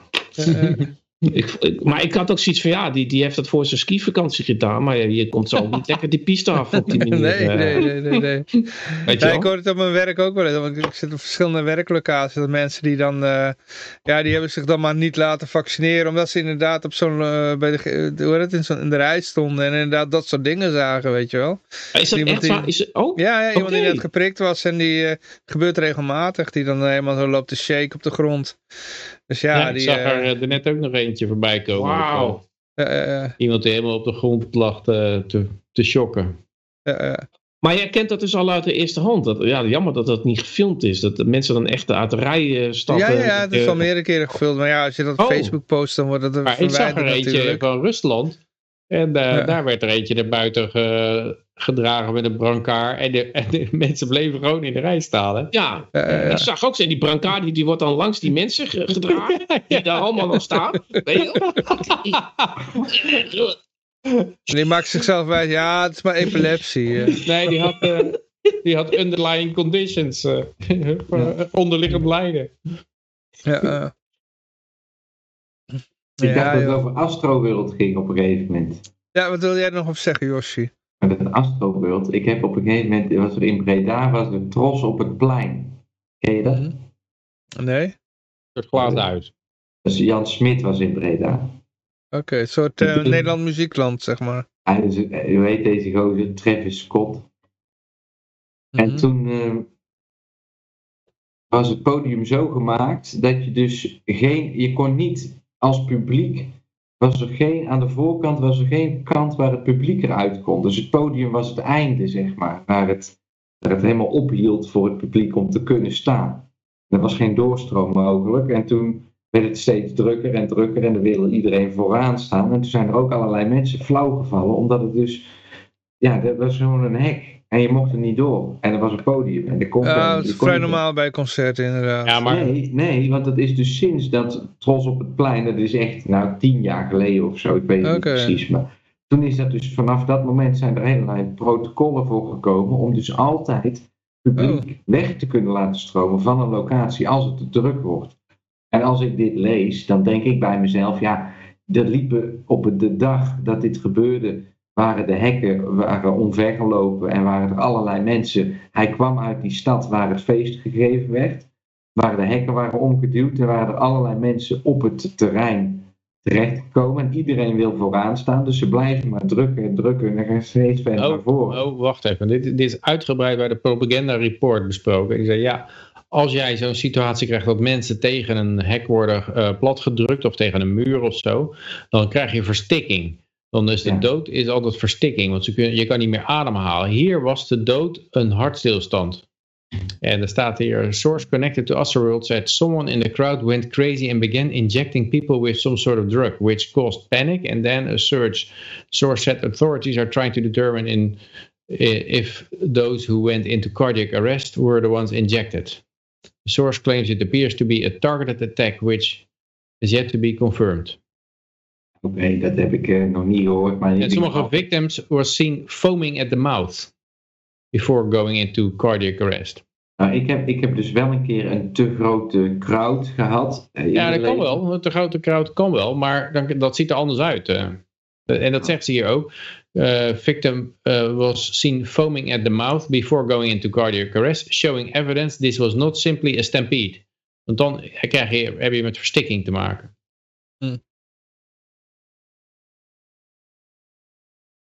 Oké. Ja. Maar, ja, als je, als je Ja? echt waar, als je op zo'n concert helemaal vooraan gaat staan naast al die boksen, dan komen er zo'n trillingen van die boksen alleen al. Ja, dan kun je dus inderdaad niet goed ademhalen. Want daardoor beweeg je zelf al helemaal mee. Ik, kan me hele, ik zie nou een filmpje op deze website en dan kan ik me best wel voorstellen dat het zo vol staat dat je. Nou ja, ik weet het niet. Het was geen eh, dansen met Jans of zo? Kan ook. Dat, daar, als je dan eh, dat je daar aan de voorkant kreeg gratis prikken kon je ophalen. Eh maar er liep al iemand in het eh, publiek eh, prikken uit te delen. Ja. Zou het niet een leuke grap zijn? om- Nou, het is misschien eh, een beetje, beetje oneerbaar. Maar dat leg ik even aan, aan jullie voor dan. Om zo'n, eh, ik zag zo'n filmpje van zo iemand die kreeg een, zo'n prik. En die begon gelijk helemaal te shocking en trillen. En daar, om daar dan onder te zetten, dansen met Jansen. Electric Boogie bij Jans, ja. Ja. En zo Maar, heb je, eh, ook zo'n, je hebt ook een meme rondgaan en er staat op de Pfizer smile. En dan zie je allemaal mensen met, die balspel. met hun mond zo naar beneden. Omdat ze zo- Eh. Maar in ieder geval uh, vaccinatiestatus patiënten afgeschermd voor uh, personeel. Dat gaat dan over uh, Nederlandse ziekenhuizen, heb ik begrepen. Had in ieder geval iemand van, de, van Forum, die had een uh, ja, oproep gedaan.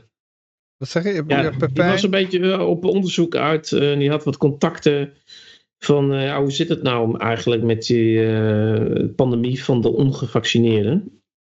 Omdat het natuurlijk in uh, alle landen om ons heen is het, is het allemaal anders. Mm -hmm. Daar, is, daar, is, er zijn vier van de vijf gevaccineerd. En je hebt ook berichten uit bijvoorbeeld een ziekenhuis uit Antwerpen. Die, daar was 100% gevaccineerd die op die IC lag. En dan volgens Hugo de Jonge en, en het RVM uh, zou het hier in Nederland allemaal anders zijn. Zouden vier van de vijf uh, zouden ongevaccineerd zijn. De data geeft hij niet. Nee, de, de data van het RVM die wil hij niet geven, omdat dan uh, mensen dan het vertrouwen in de RVM verliezen.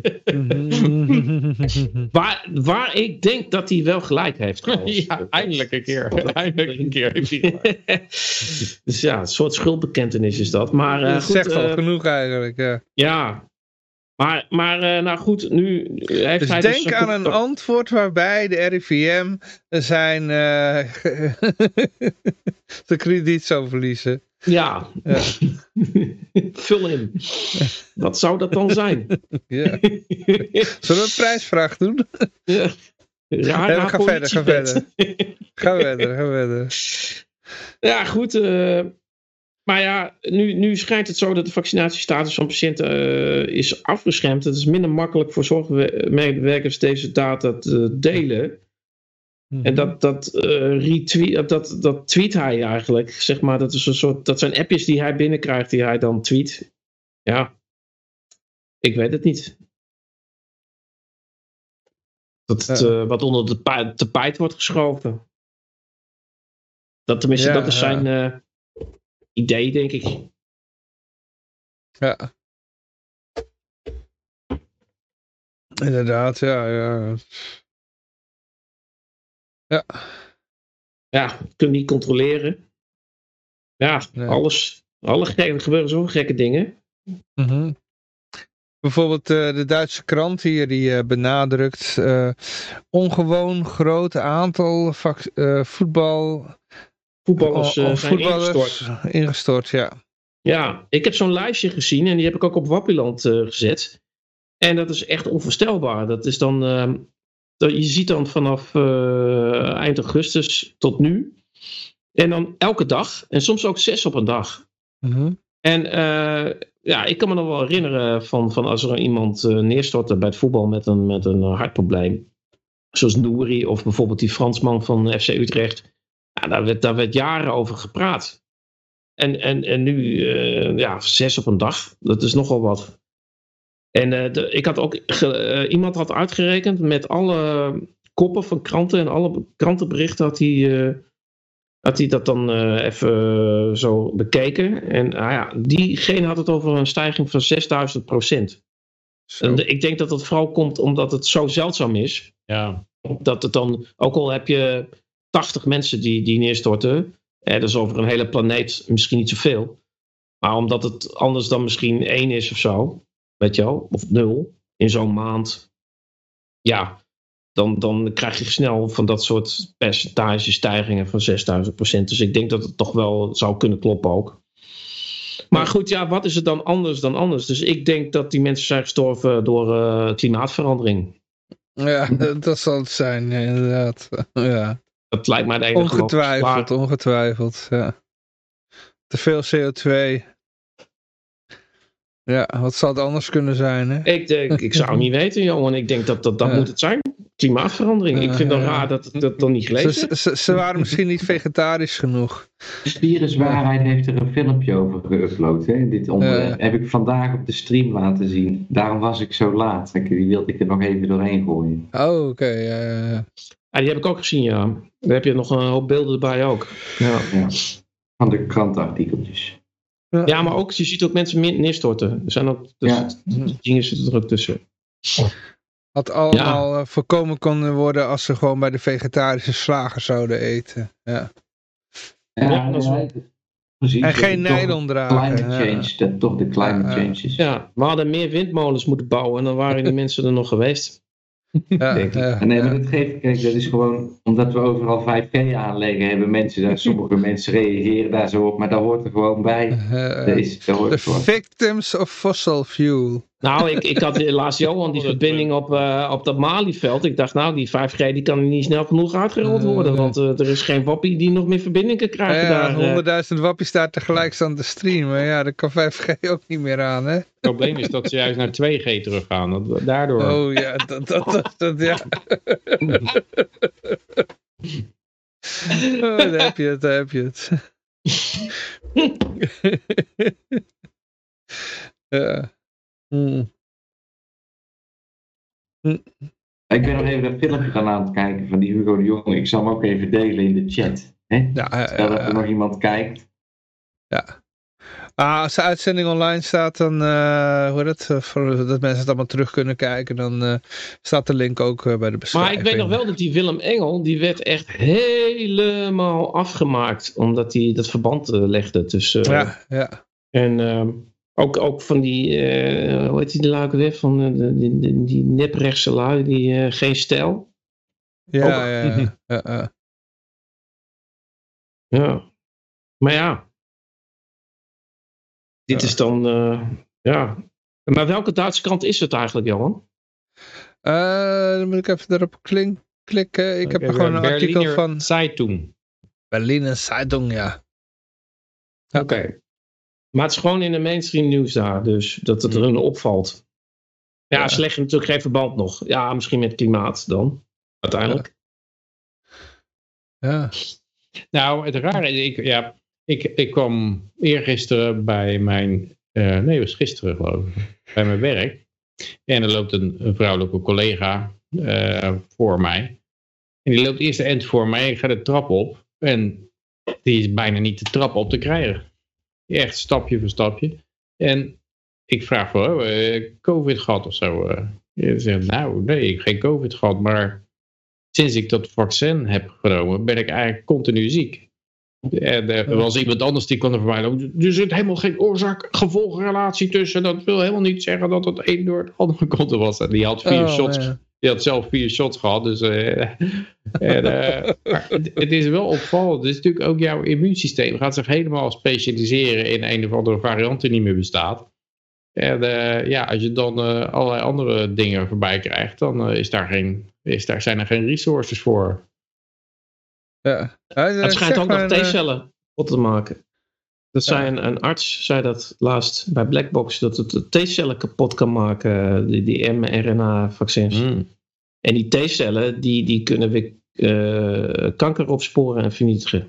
Ja. Oké. Dus die, die, die, Ja, die dat dingen heb ik ook zijn... veel gehoord van mensen die opeens kanker krijgen. Of kanker die, die eh, in remissie was en die opeens weer terugkomt na vijf Ja. jaar of zo.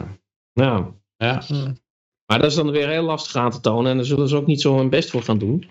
Nee. Mhm. nee. Maar ja, dat is dan misschien ook nog inderdaad van wat gaat er in de komende vijf jaar, tien jaar gebeuren met, met, met eh, misschien dat- toename van kanker. Dat ligt dan aan de opgeschorte pre-screening.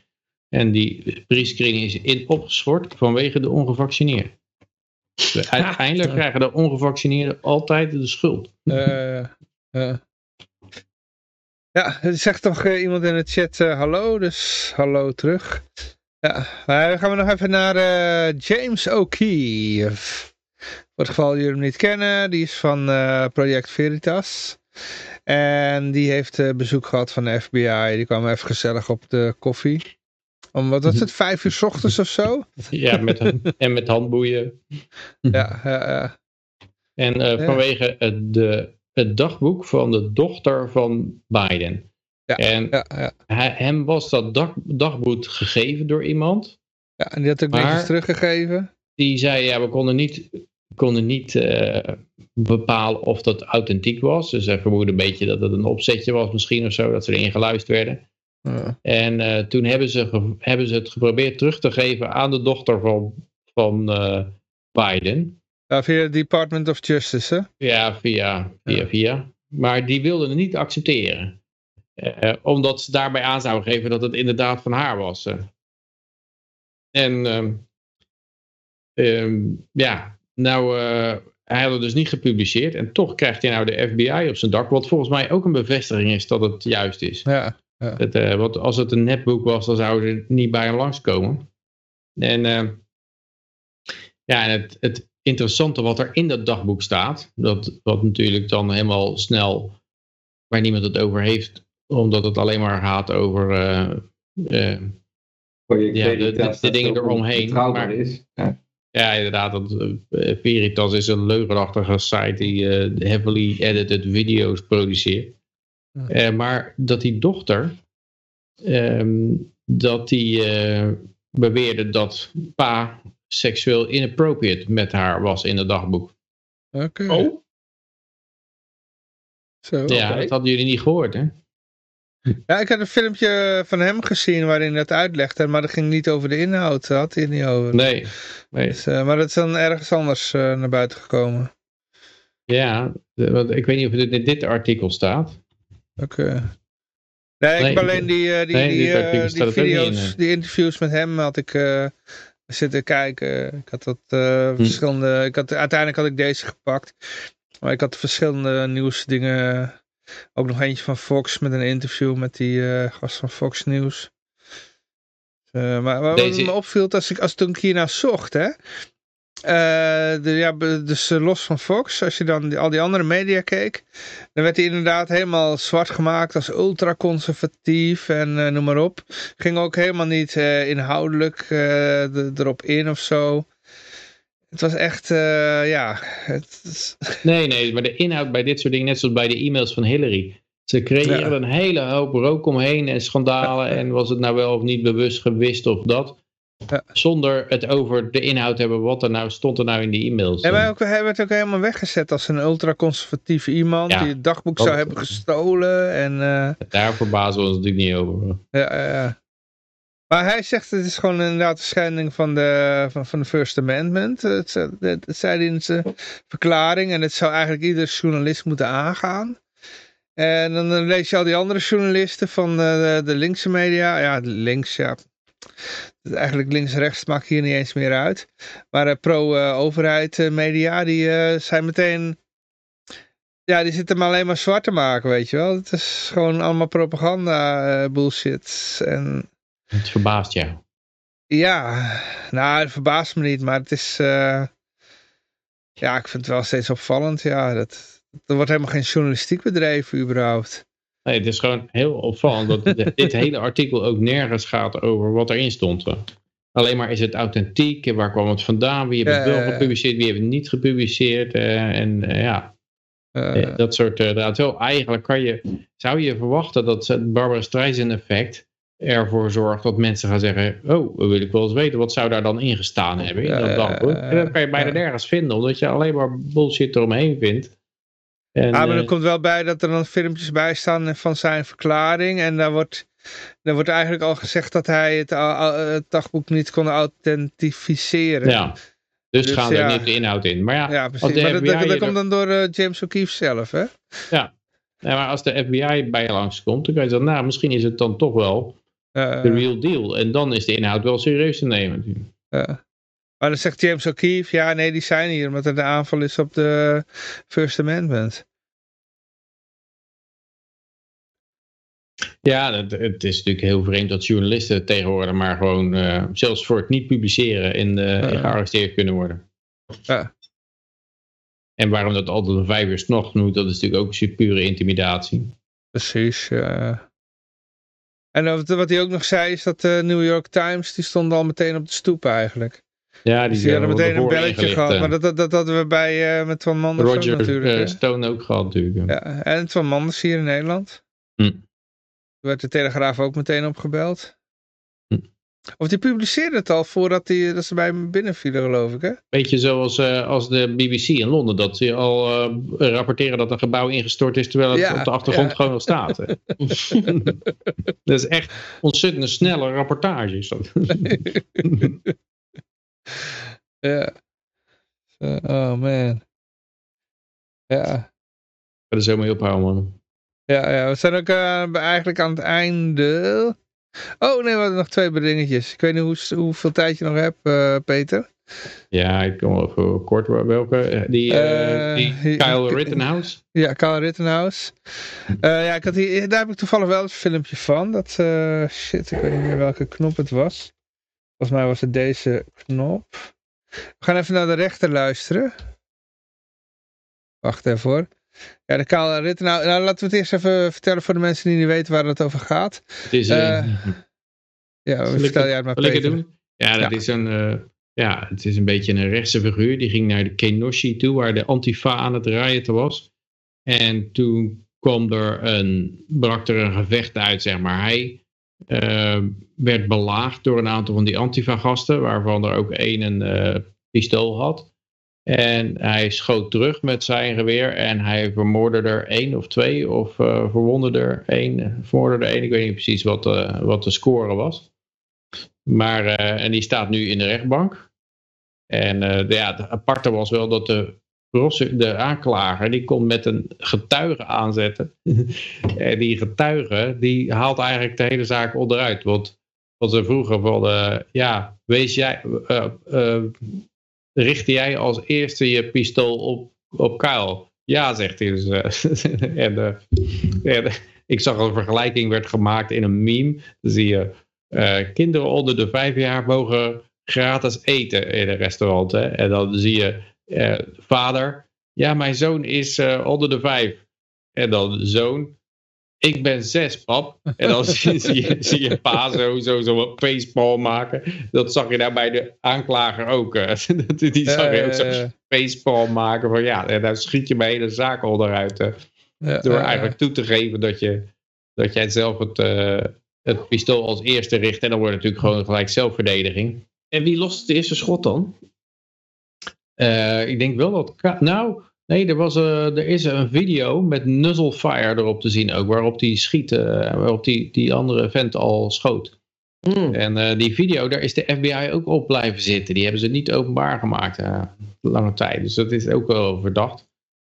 Ja, je weet natuurlijk hoe het met dit soort dingen gaat. Aan welke kant, de, welke kant ze staan.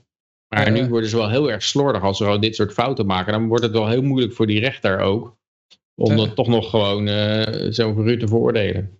Ik zeg nog Maar- een selectie van, eh, van- de media, van de mainstream media, hoe hij daar eh, weggezet werd. Hè.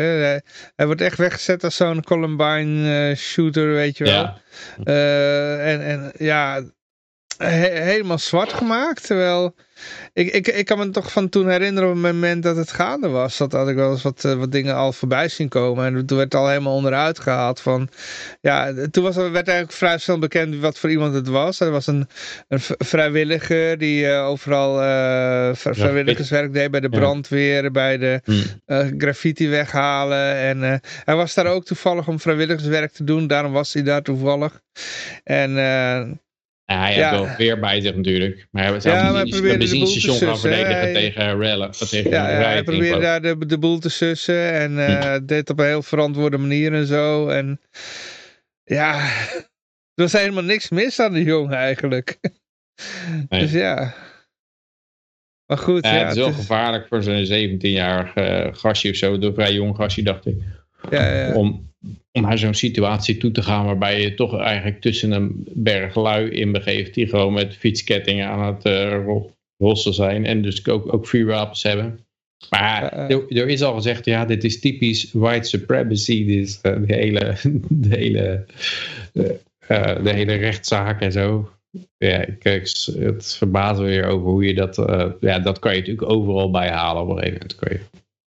Ja, en het punt is ook dat de mensen die daar dan in willen geloven, het is gewoon elke keer maar de afleiding van het moment om even erbij te kunnen melden. Weet je wel? Oké, eh, nu is dit aan de gang en het gaat zo, maar dan, hoe het uiteindelijk afloopt, die mensen die daarin willen geloven, die, die, die hebben daar geen interesse voor. En die zijn dan helemaal niet, die zien deze rechtszaak niet. Die horen alleen een jaar geleden, ja, het is een white supremacist die iedereen heeft Ja. te schieten. eh, Dus, ja. Het had gaat alleen nog maar het, om... ik had van die zaak nog die, die rechter die, eh, die, die explo- exploderen op een gegeven moment. Ik heb daar een filmpje van. Ik, ik hoop dat ik hem nou, eh, ik, ik weet niet meer onder welke knop ik hem had zitten. Volgens mij deze. Daarom adviseren wij van Oh, WC nee. 1, Dat is hem WC niet. 1. Eh, Ja, en daarom Dit is hem ook niet. komt allemaal in. Oh, fuck. We hebben nog een nieuwe follower, Johan. Oh ja, leuk, leuk, leuk. Techniek laat ons in de steek. Niet zo Ik weet niet meer onder welke knop. problemen. Ik weet niet meer welke knop het was. Godsamme. Hey, eh, Daarom eh, ik hou er. Nou, ik hou Why would Ja, you ik heb hem, ik heb hem. That jij that made it okay Ik for heb you hem. without any advance notice to bring this matter before Dus the jury? iemand, ik heb hem en dan loopt iemand er You doorheen are te already, you were, I, I was astonished ja, de, when you began your examination Okay, by you commenting on the defendant's post-arrest silence. That's basic law. It's been basic law in this country for 40 years, 50 years. I have no idea why you would do something like that. And it gives, um, uh, well, I'll, I'll leave it at that. So I don't know what you're up to. is, is Hartstikke Julian er idee, eigenlijk ja. nog? Weet ik denk iemand van dat? wel, ja. Nee, Ja, van Julian die de, leeft nog. Ja, Oh. de, de rechter is inmiddels klaar. Dus eh, ja, ik zal het nog even in het Nederlands vertalen voor de mensen. Ja, hij, eh, hij riep de aanklager op het matje. Daar komt het even op neer. Dus eh, ja. Jij klutsamateur. Nou maak je het maar ja, heel moeilijk om vals te spelen. Ja, eh, nou goed, dan komen we nog bij het laatste bericht. Ja, ik, ik, misschien dat jij hier nog wat over wil zeggen, Peter, voordat je wilt slapen. Eh, Pentagon onderzoekt zichzelf. Eh, Ja. Beweert dat eh, er niets eh, mis is eh, ja, met de droneaanval in Kabul. En daarom had ik dus deze, eh, die hoorde je al, WC Eend. Why would you Daarom Ja. adviseren wij van WC Cool, 1, WC 1. Hartstikke idee. Wat moet je daarover nog meer over zeggen? ze, dus ze gaan, bij, ze gaan in Afghanistan weg. Dan, dan vermoorden ze nog even tien burgers, waarvan zeven kinderen. eh met een dronestrijk on the way out. Eh, de, de terugtrekking was sowieso een, ontzettende klerenbende. En dan eh, gaan ze dat zelf onderzoeken en dan zeggen ze, nee, we hebben niks fout gedaan. Ja, eh, eh, Ja, precies. En voor daarom- zich, en daarom adviseren wij van WC. Eend. WC Eend. Ja, even even de wc in jingle. ja, Oké, hey, dan, eh, dan, dan nok ik er gelijk mee. ja leuk dat je er was. Dankjewel. Yo, Nou, ik, hoi. gooi er even, ik gooi er even een pizza in, denk ik. Ja, ik weet niet of jullie nog iets over maar wilden volgens zeggen. mij zijn we aan het einde, of niet nou? Ja, jullie wilden niks eh, zeggen over Pentagon en eh, dit alles? En, eh, Nee, nee, nee, het is gewoon WC en het adviseert WC Eend. En Jurien, eh, ik weet niet of jullie er nog een mening over had. Nee, nee, je hebt je mening duidelijk verwoord, toch? Ja, ja, Over de mensen, WCE. mensen in de chat. Zijn er nog mensen in de chat? Ja, ja, iemand een zei net thanks. follower. We hebben een nieuwe follower van de Vega. Dus eh, thanks de Ja. Vega voor de follow. Ja, nee, goed. Ja, nee, dan zijn we aan het einde gekomen. Ik, eh, ja, ik zal eh, iedereen eh, danken voor het, het, het, meedoen. Uiteindelijk, ook de mensen... Volgens mij de, de wijntjes schieten naar mijn hoofd. de luisteraars nog dank voor het luisteren. En ik wens iedereen een vrolijke en vooral heel erg vrije week toe. En ik zou zeggen, toedeledokie. Wacht even of die, die F12 knop. Chic idee.